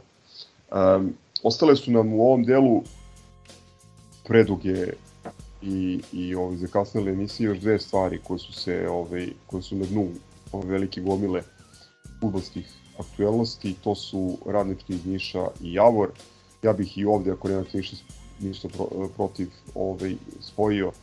Stvari, mada, ajde ovako, što tiče radničkog, školski ili zgrovski, ovaj, brzo smo otvorili, brzo zaključili utakmicu i baš kako treba ovaj, nekoliko nosilaca igre odmoreni na vreme. Uh, pamtit ćemo utakmicu, pomenuli smo povratak dača skoro godinu dana i prvi start uh, Baždara, ako se ne varam. U svakom slučaju, um, utakmica na kojoj je preveliki fokus bio na ovom nesečnom Latoviću. Uh, ne znam, meni je to ovaj, baš onako deplasirano, posebno situaciju u kojoj je on seo na klupu posle 20 minuta. Bez zezanja. I on, se, I on se malo, i on je shvatio koliki je debil i onda stvarno 90 minuta fokus. Ma, okay, ne, nije, nije ne, da nije zaslužio par puta te stvari, ali ono više ono kao u fazonu. Pa, da, mogu da razumem, ne, mogu da razumem, to smo i komentarisali kada je bilo aktuelno, ne znam, ono finale kupa Nišu, ovaj, gde imaš s njim ono, neku lošu situaciju i on vodi ekipu koja, na način na koje vodi, to mogu da razumem, ali ovde, da ti utakmicu koju lagano rešavaš 4-0, potpuni fokus bude na njemu i ne samo to, nego da se to preliva kasnije na košarkašku utakmicu protiv Mege. Pa i ne samo to, nego, koliko sam čuo, pevalo se i u Topoli. Latović, mislim, to mi je baš onako bez veze. Ali dobro, nema veze. Ne znam da li imate nešto na temu radničku. Školske, što kažeš, određena, otvorili na vreme, Pavlović dao go, odigrali su i ovaj i tu je i Dača i Dača je igrao Pelić dobar, Baždar je igrao od početka ako se ne varam, dao je gol malo je tu izmešao igrače, posle izmenjao odrađen posao kako treba, ne, nema mnogo da se priča o tome. Ne sećam se nečeg zanimljivog sad baš osim tog vređanja na 90 minuta. Meni je Javor. Ne to je posebna tema, da. Samo zbog šokantno prosto dva boda, nego zato što mislim da je to prava slika Superligi i domaćeg futbola.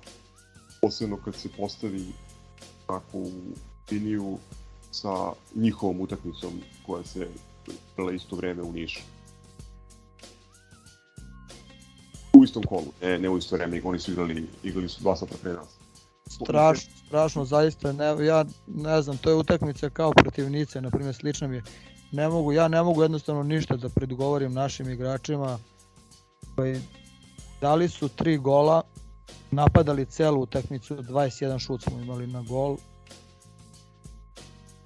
borili se i posle jednog odličnog starta Belića, znači odličnog starta na loptu, gde je izbio čoveku loptu u gol šansi, u korner, svira se penal.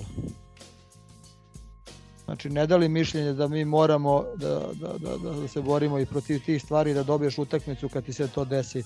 Jer oni ne bi dali ta dva gola da nije bilo tog izmišljenog penala. I mi bi utakmicu dobili. Znači, jednostavno mislim da nismo zaslužili da, da izgubimo bodove i nemam neku specijalnu primetbu na igru. Možda je bio neki kiks, ali godinama smo protiv stvari. Bilo je malo, bilo je malo sebičnosti i slažem se da je... Ricarda možda u napadu. Moralo da se reši ranije, ali to je potpuno odvojena tema. Kao što si lepo rekao, ono penal nije bio, ja sam vidio sa zapada, mislim, vjerojatno sa najudaljenije tačke na stadionu, da, da je prvi došli do lopte, da je, mislim, sama činjenica da je lopta promenila, uh, promenila pravac u korner, kako je kako je ovaj igrao penal, ja ne znam, ali to je situacija u kojoj, mislim, zbog kojih, to je jedna situacija zbog kojih VAR postoji. Stavljaš jednom klincu teret na leđa koji je napravio dobar potez, stavljaš mu teret na leđa da on izađe onako utučen sa terena, maltene opet kao protiv Slovackog da sam vidio da je maltene suza imao u očima, pokunjen je izašao, da ispada da je on prosuo bodove, stvari obrnuta situacija, trebalo da bude da, je, da nam je doneo bodove pa katastrofa. Kažem, VAR, VAR postoji ovakve situacije da, da se ovakve greške kao da bi dešavalo posebno greške zbog kojih ovaj, koje mogu da reše i, i isko šampionata. Zanimljivo je da je u VAR sobi bio onaj e, famozni Ćupričanin pozdrav za Aldomena Milanović, koga su već požurili da predstave kao našeg naj perspektivnijeg sudiju, mislim, njihovo možda jeste, ali ovaj, nadam se da mu posle ovoga karijera neće ići i uzaznom putanjom. I bila je još jedna situacija posle minutu, sad opet ljudi, ljudi kažu ne, ne, ne želimo penale u mislim ok, ne želimo penale u, u dodatnom vremenu, ali visoko obaranje Vujočića sa obe ruke, mislim to je u ragbi pao, u futbolu čist penal nema, nema, uopšte, uopšte nema dileme, mislim, vidi se da je išao s obe ruke, da stoji iza njega, znači, pobego mu je, to tek ne bi komentarisao. Ali kažem, jeste šokantno, prosto te, jeste šokantno prosto dva voda, jeste nešto što komplikuje komplikuje ovaj našu situaciju, vraća nas na taj zaostatak u 7 bodova, ali slika i prilika Superligi i domaćeg futbola posle Niša i još nekih utakmica, mislim pa da... Da, da Niš, kome, Niš u kome oni igraju sa dva igrača više, dve lopte, tri utakmica produžena 4 minuta, do 8, tako. To je jednostavno nova vlada, ovaj, nova informacija za Partizan da nema šta da traži tu i šta god da se desilo na utakmici sa Javarom, bio bi pritisak malo veći na njima, ali jednostavno su na sve spremni u ovoj sezoni. Ne znam šta treba da se desi da se okrene situacija, stvarno. I pobedimo. Pa treba da ih pobedimo zbog nas i treba da se koncentrišemo na šerifa. Pre nego što Trobi skoči u, ovaj, tiradu Milenko, Sećaš li se uopšte dve utakmice? Pa, radničkog se ne sjećam jer nisam gledao. Ovaj, nažalost, bio sam, imao sam neki obaveza, bio sam u putu i stigao tek knap na Megu ovaj, nazad u Beograd. A, Javora se sećam, naravno. I delim mišljenje da da je strašno, da smo strašno pokradeni u toj utakmici. Nema govora o penalu, kao što i tekako ima govora o penalu nad Vujačićem. I takođe ovo što mu onda kaže nema šanse da bi oni dali dva gola u tih 20 minuta završnih e, bez tog penala, nema teorije. E sad, ja samo, samo bi ono, iz neke najbolje namere prema, prema ekipi bi ono trebalo bi skrenuti pažnju da onakav treći gol ne bi smeo da se primi u situaciji da vodiš kući 3-2 da je malo delikatan moment da si malo pao fizički da si u velikoj potrošnji zbog Evrope i tako dalje i možda tu završnicu kad je već došao do tog penala možda je trebalo odigrati malo, malo nešto pametnije i poučenije. Naravno, ne kažem da treba Partizan da se brani protiv Javora, da me neko ne shvati pogrešno, ali ovaj, mislim da je to neka zamerka koju je sigurno Gordon imao i izneo igračima interno u slučionici, kao što i ovaj, njegov kolega sa košarkaške klupe posle svake pobede evroligaške i verujem da drži pola sata govor o greškama koje su pravili u toku te utakmice. Tako da to su sve neke normalne stvari i trebalo bi da bude normalna stvar da favorit kiksne na domaćem terenu. To se dešava u svakom prvenstvu, to se dešava u svakom sportu, u svakoj zemlji na svetu, osim u slučaju jednog kluba i jednog sporta i jedne države. Znamo svi vrlo dobro na, na, na koga i na šta mislim. Tako da kao što sam i e, najbolji komentar ove utakmice sam video na Twitteru, utakmice protiv Javora. Ne znam ko, ali zaboravio sam ko, ali e, neko od naših je ovaj, lepo napisao e, ovim kiksom šanse sa, za titulu su nam pale sa 0,00487% na 0,0000478%. Znači, malte ne, nepostojeće šanse za titulu su nam nešto malo manje e, umanjene, tako da ljudi čuvajte živce, što, što, što kažu Gaza i Mondo za derbi i za, i za Evropu. Uh, ovo što kaže Mondo, šta treba da se desi, ja mislim da treba da se desi kod njih neki interno, neki puč ili, ili neko sranje, podela, jedino to u ovoj konstelaciji snaga u, u, u državi i društvu može Partizanu doneti titulu ovaj, nažalost. Gospodine Trobi, spremna ti rada. Ha, vreme je. Da karamo tegane lodake! Sad pršuta, sir, whisky, pivo, sve.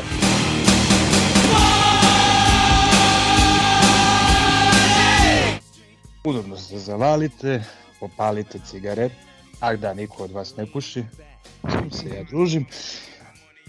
Ovo će malčice potrajati, nadam se da mi nećete zameriti, ako ću se potruditi da se zauzdam. Elem, posle utakmice protiv Slovackog, na nekim mestima, na nekim društveno mrežnim mestima na kojima se okupljaju navijači Partizana, Njegov sam prilike da pročitam da su futbaleri Partizana balvani, da su bednici, da su bruka, BBB. Imao sam prilike da pročitam da bi Gordan Petrić trebalo da se posveti niželigaškom futbalu, jer je to njegova prava mera. Imao sam prilike da pročitam da je ovo najgori sastav Partizana, možda ne baš u istoriji, i nisu ljudi baš toliko daleko išli, ali u poslednjih nekoliko decenija, sasvim sigurno. E sad, pošto je reč o društvenim mrežama, naravno da deo tih poruka možemo otpisati kao ciganske, deo možemo odbaciti kao trolerske, ali treći deo nesumnjivo pripada navijačima Partizana, ljudima koji to verovatno nisu ništa manje nego što smo mi. I mislim da zbog njih, a i zbog nas, ako na trenutak posumljamo da su neki od tih komentatora bili u pravu, treba uraditi nešto. Ima naime jedan tekst ovaj, Borisa Dežulovića po imenu Smisao života u četiri meč lopte, posvećen legendarnom uspehu Gorana Ivaniševića, hrvatskog tenisera, odnosno njegovom osvajanju Wimbledona 90-ih. Inače, jedan od sasvim sigurno najviše tri najlepše sportska teksta koje sam pročitao u životu, koga zanima i šta je vrhunsko novinarstvo i šta je dobro pisanje i šta je uh, najlepša emocija, taj tekst mora obavezno da pročita. U jednom momentu tog teksta, neposredno pred finale Wimbledona koji Ivanišević igra, uh, Dežulović, pišući iz perspektive Ivaniševića, pita se jebote kako sam ja uopšte dospeo do ovde. Pa mislim da ne bi bilo na odmet da se mi podsjetimo kako smo uopšte jebote dospeli do nokaut faze Lige konferencije.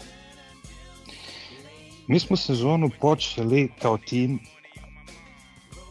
koji je spasavao živu glavu u Nišu, koji je gubio 3-1 i izvukao 3-3 penalom duboko u nadoknadi vremena, što je našem bivšem futbaleru Nikoli Aksentijeviću, koji sada igra za Radnički, dalo povoda da kaže da je Radnički najbolji tim u zemlji nakon Crvene zvezde.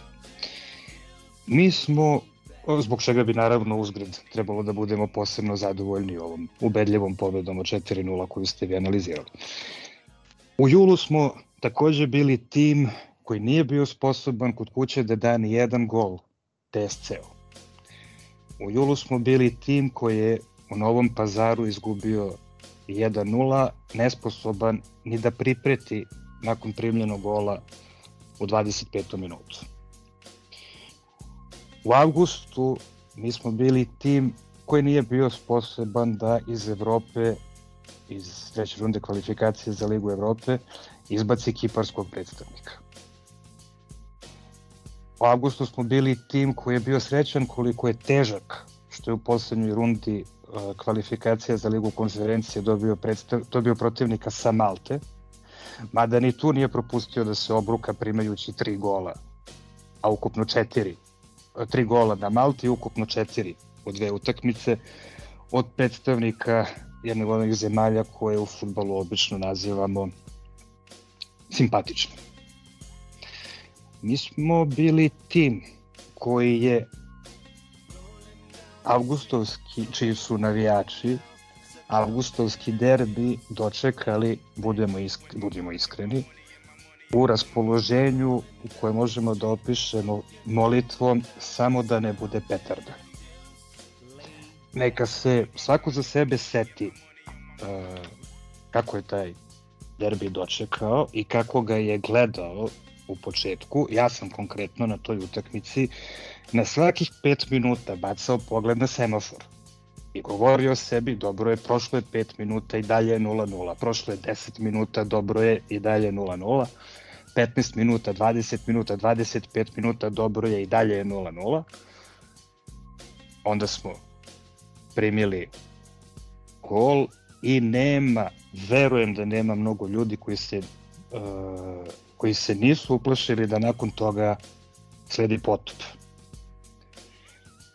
Ne samo da nije došao potop, nego smo se vratili, izjednačili, na kraju čak mogli da žalimo i za pobedu. Od tog, od negde od te utakmice počela je transformacija Partizana za koju sam siguran da nema mnogo paralela, da nema mnogo primjera tima koji se u sred sezone tako promenio. O, da ova tirada ne bi bila preduga, neću sad, anali, neću sad analizirati, e, neću sad, neću sad da podsjećati jedne po jedne utakmice u, uh, u Ligi konferencije. Podsjetit ću samo na prvu, protiv Slovackog, koji smo posle 25 minuta ubili 2-0, imali igrača manje i uspeli čak iz toga da se ščupamo sada već slavne utakmice protiv Nice kod kuće i protiv Kelna i kod kuće u gostima, nećemo se posebno osvrtati, već smo pričali o tome i u ovoj i u drugim prilikama. Reći ću samo da je tim kakav sam opisao iz jula i avgusta u novembru dospeo do toga da je odigrao najuspešniju grupnu fazu evropskih takmičenja od kako grupne faze evropskih takmičenja postoje. Uh, ko sumnja u to da je, taj, da je ovaj skor 2-3-1 sa 9 datih 7 primljenih golova Uh, najbolje što je Partizan uradio u 21. veku u Evropi, od kako postoje grupne faze, ko u to sumnja, uh, internet postoji, na njemu se nalazi šta treba i šta ne treba i detaljno se, detaljni podaci o našim evropskim nastupima su tu, pa se možemo i podsjetiti. Nećemo sada da gnjavimo brojkama, verujem da će svaki da će svako ko pošteno posmatra te brojke, a pogotovo kada uporedi kvalitet protivnika protiv kojih smo toko svih ovih godina igrali, moće samo da zaključi da ova grupna faza Partizana nema pandan u našoj, u našoj istoriji. Podsjetit ću ovom prilikom samo da smo mi klub koji je tokom 10 godina uspeo da ost, od 2005. do 2015. uspeo da ostvari jednu jedinu pobedu u grupnoj fazi evropskih takmičenja. Da smo mi klub koji u grupnoj fazama evropskih takmičenja za protivnika omeo da ima jedan nefči pa da sve jedno grupnu fazu završi bez jedne pobede. Da smo mi čak i pod trenerom koga kolektivno obožavamo i koga bismo svi, uključujući i mene, htjeli ponovo da vidimo na čelu Partizana, govorimo Marku Nikoliću naravno, odigrali grupnu fazu u kojoj nismo, u kojoj smo, u kojoj smo osvojili svega dva boda i dali samo jedan gol. Ove godine, ponavljam, imali smo dve pobjede, tri nerešene rezultata, samo jedan poraz, devet datih golova, najbolju gol razliku u grupi, u jedinoj grupi Lige konferencije u kojoj su nastupala dva kluba iz Liga Petice. Ne znam, zaista, šta može da se nađe u glavi nekoga ko te momke, ko momke koji su to stvarili, naziva balvanima, bednicima i brukama, ali znam da u toj glavi ni futbala, ni smera i severa, što se kaže, odnosno pojma o svetu oko sebe zaista nema. I zato ponavljam, kada god pomislite da je neko od takvih zanesenjaka u pravu, stvarno samo bacite pogled ne na to šta smo radili ove sezone u Europi, nego šta smo u 21. veku. I ne samo u 21. veku, nego generalno u svojoj istoriji radili, to jest nismo radili u Europi. Za klub koji je u istoriji imao samo jednu zaista vrhunsku evropsku sezonu, govorimo naravno o sezoni 65-66, ovo je bilo čudo i meni ostaje samo da se našim momcima na tom čudu još jedan put zahvalim.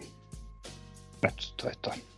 Trobijeva i tirada ovaj, zvuči onako staloženo i, i kulturno, ali potpisujem sve što je, sve što je rekao ovaj, i šta drugo da kažem osim prsna čela. Ok, mi smo ušli u treći sat razgovora, ne znam koliko je efektivno snimljeno, ali mislim da je vreme da privodimo kraju. Uh, ide jingle, pa stalne rubrike. Malo sam umoran i od taktike, od nameštanja utakmica, a ne nameštanje utakmica, nego nameštanje spremanja utakmica, jer uvijek mi zvuku iz konteksta to što prevodim s italijanskog. Milenko zagovara da stalne rubrike odradimo ekspresno, ali nisam siguran koliko je to moguće, pošto ste se i potrudili i slali nam sve i svašta, a boga mi ove dve nedelje je bilo i događaja i novinarskih cigaluka. E, da krenemo od smećegrafa, e, posle utakmice Košija u Nišu, krenuli, trener Milović je izjavio a Svećirov preneo sledeće. Ovo je način na koji se osvajaju titule. Pa jeste, sve, sve tačno rekao, ništa slagao nije. Idemo dalje, B92, e, naslov uživo, može li perfektni FNP konačno da pobedi Zvezdu? Ta velika svetska dilema. Kako se zove, sad kad već i Trobi ovde, a i ti Gazo si jako dobro upućen u to, kako se zove onaj, uh, da kažem, novinarski, ne znam kako i da, ono kad uh, u naslovu imaš uh, znak pitanja, znači da je gotovo izvesno da je odgovor ne. To možda Trobi, Trobi zna.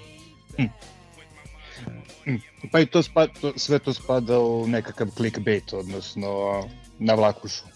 Ne, ne, ovo baš ima neka, neka kao taj ne znam kako da naslovim, nije ni bitno, naći ću pa ćemo podeliti ovo između sebe. Uglavnom odgovor je ne. Ok, ovaj, pošto su postavili to pitanje, je li je u pitanju njihova utakmica, uh, imali su što da kažu na temu naše utakmice u baru. Uh, Panter izjednači negativan rekord Partizana je naslov, a u podnaslovu stoji Partizan u baru, ubedljivo se vladao Mornar, ali uz očinu partiju svog kapitena Kevina Pantera. Uh -huh. I uz mali, i uz mali broj ovaj, domaćih igra, koševa domaćih igrača, verovatno. Pa, zanimljivo što je to su izvukli kao, kao glavni utisak. E, Smećegraf ponovo na temu utakmice FNP-a, e, FNP-ova. Nas necinično, e, Zvezda dobila FNP 33. put u nizu. Panteri nekoliko puta pretili, Ivanović prelomio protiv sjajnog Fejzera. A istim povodom Blitz Z je imao jedan izveštaj koji je možda čak bio ironičan.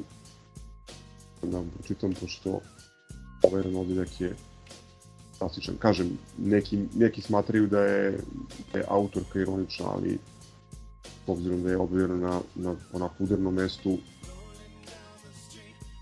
je promakla ironija. Dakle, toplo vreme, ali i rani termin, ponedeljak u 18 sati, nije privuklo dosta navijača na mali gradski derbi među Crvene zvezde i FNP-a u hali Aleksandar Nikolić. Ali oni koji su došli, a to su bili, bile pre svega porodice sa naslednicima, Napravili su lepu atmosferu u kojoj su crno-beli slavili 83-77. To je bio 33. uzastupni triumf Zvezde nad ekipom. Panteri taj građa dobro su otvorili utakmicu i tako dalje i tako dalje. Meni, su, meni je palo pamet da je možda ironičan upis zbog sa naslednicima i, i lepe atmosfere. Zvanično je bilo nešto više od 1000 ljudi. Zvanično.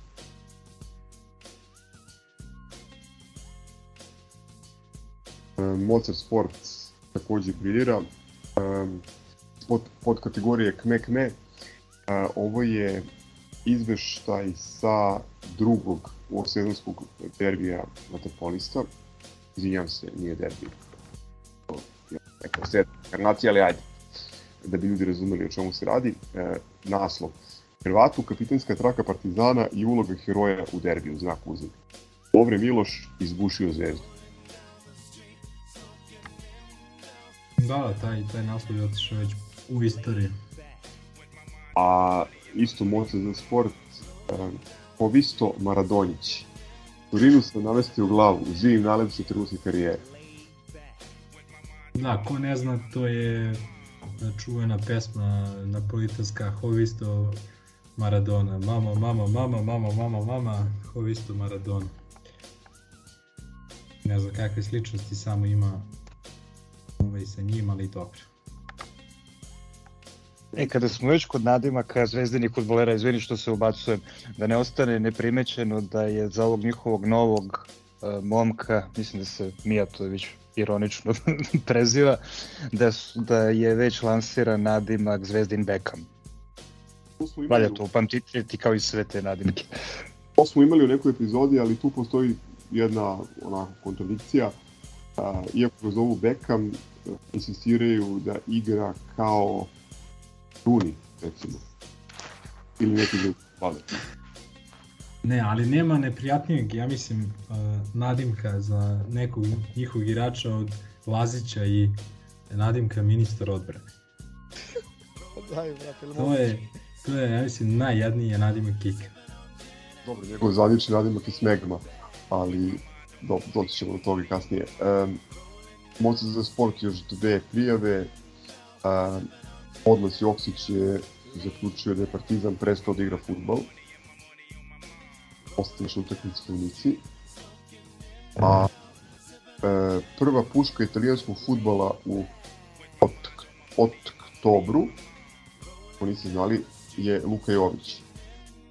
Naslov glasi Porodila je bombarderska primadona. Misliš srpski Falcao? Kad smo već kod nadimaka. Da, da, da, to je bio nadimak koji je Žurilo forsirao. Da, što reći za Žurilo kad smo kod njih.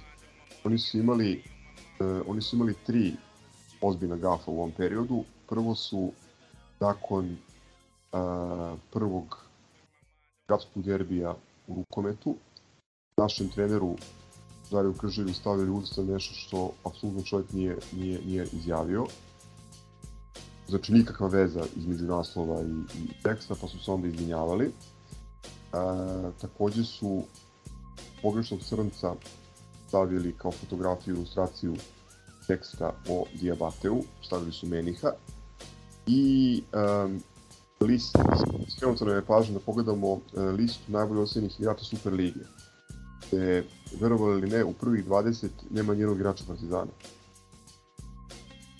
Iako su primer ovih stelaca Lige Ricardo i Natko na vrhu. A Možda se odnosilo samo na srpske klubove.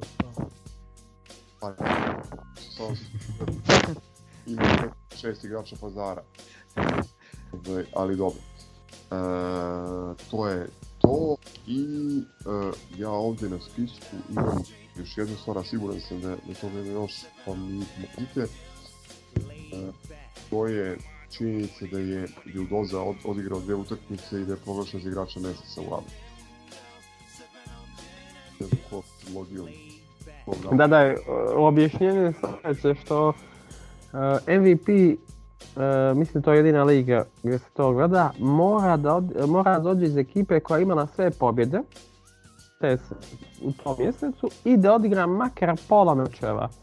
Tako da je Vildoza jedino zapravo ispunio ovaj ispunio je taj da je, da je Zvijezda dobila da Zadar i nije dobio jedan meč, ali to je mislim jedina liga na svijetu gdje postoji ajde tako kažem pisano pravilo da ti moraš dobiti svaki meč u tom mjesecu ovaj da bi da bi bio MVP. Mislim to je smiješno, momak bi Božić bi sa u NBA-u bio MVP sa onom statistikom, a ne u ABA ligi, ali Bože moj, šta da radimo. Hvala tu, to, ja, ja to nisam znao. Nisam znao. Da, da, jer neđe iskočilo, neđe iskočilo po Twitteru. Ovaj, mislim da je, da je baš čak i ovaj trener FNP-a dva ili već kako li se ovog koji, koji ne može da ih dobije, objašnjavao nekome da, da postoji to pravilo, jer kao i neki njegovi igrači su se začudili kako, kako Vildoza, pa su došli do tog da mora imati, ali to je potpuno imbecilno pravilo, tako da, jer ono da Vildoza nije došao, morao bi biti neki naš naneli ili neko ko ima prosječni indeks 15 ili nešto slično tome. Jer jedino smo mi i Cigani imali sve pobjede, a kod Cigana se niko nije drugi izdvojio, tako da bi vjerojatno bio Nanjeli ili Madare, nisam siguran ko ima veći indeks od njih dvojice kod nas. Evo sam, recimo Uh, mislim da si preskočio jedan vrlo simpatičan uh, novi epitet koji smo dobili u futbolu, to je marginalni offside. Da, evo, gledam to. Šta je marginalni offside? To je Sam komentar. Sad, sad ćeš da čuješ. to je komentar Aleksandra Pešića a, nakon što mu je prišten gol a, u Monaku. Citiram, kad smo dali gol za 3-2, poništen zbog marginalnog offside Možda smo mogli da otvorimo utakmicu, ali primili su brzo gol za 4-1. Eto. Bravo je Milenko. E, a imam osim toga još jedan naslov koji, koji sam propustio u ovom prvom krugu a, sa portala Telesport. Mirko Ivanić. Domaće prvenstvo i Liga Evrope su dva različite sporta. Dobro da su, da su i oni svesni. Svesni toga. Da li je taj Telesport isto objavio da je u Pioniru bio ovaj rezultat 98-96 za domaćina, za, za FNP protiv ovog drugog, ne znam, radničkog basketa, kako god se zove. Da li je to isto bilo iz Telesporta ili tako nešto?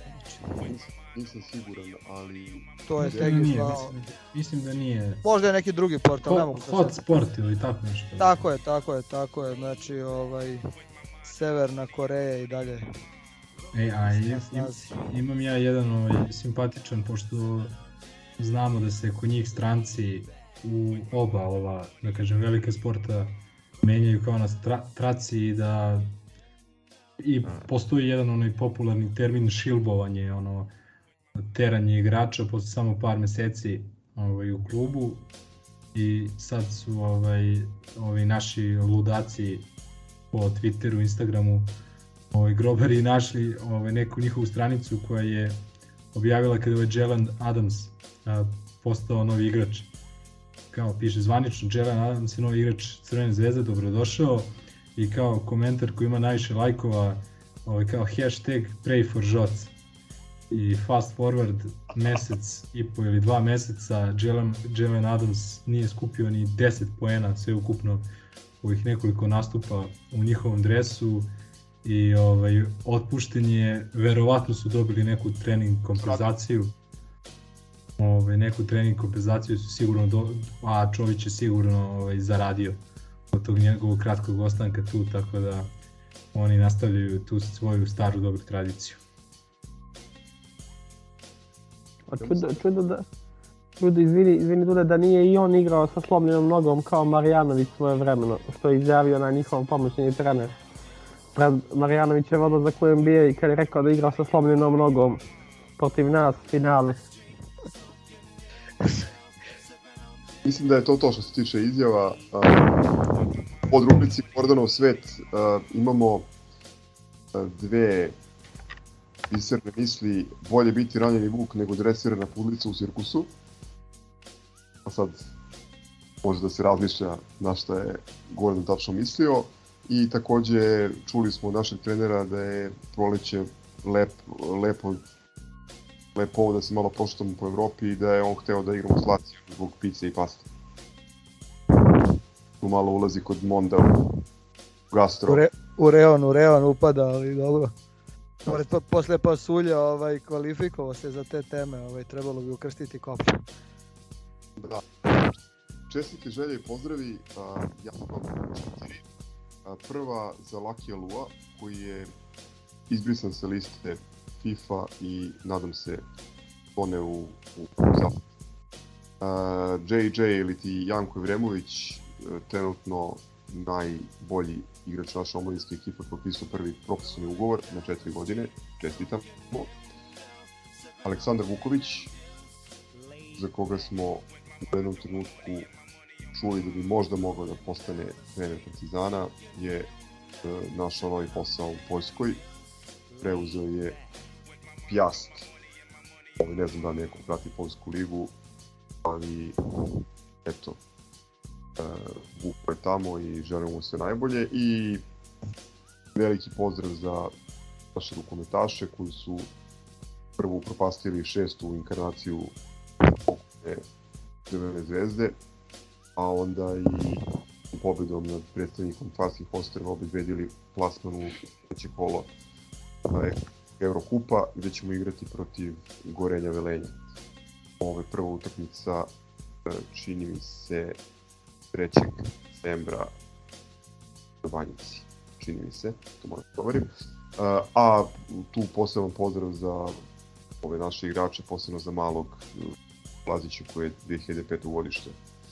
Mislim da je on trenutno najmlađi profesionalni seniorski sportista ovaj, u našim sekcijama koji je protiv uh, ove lažne zvezde postigao tri gola.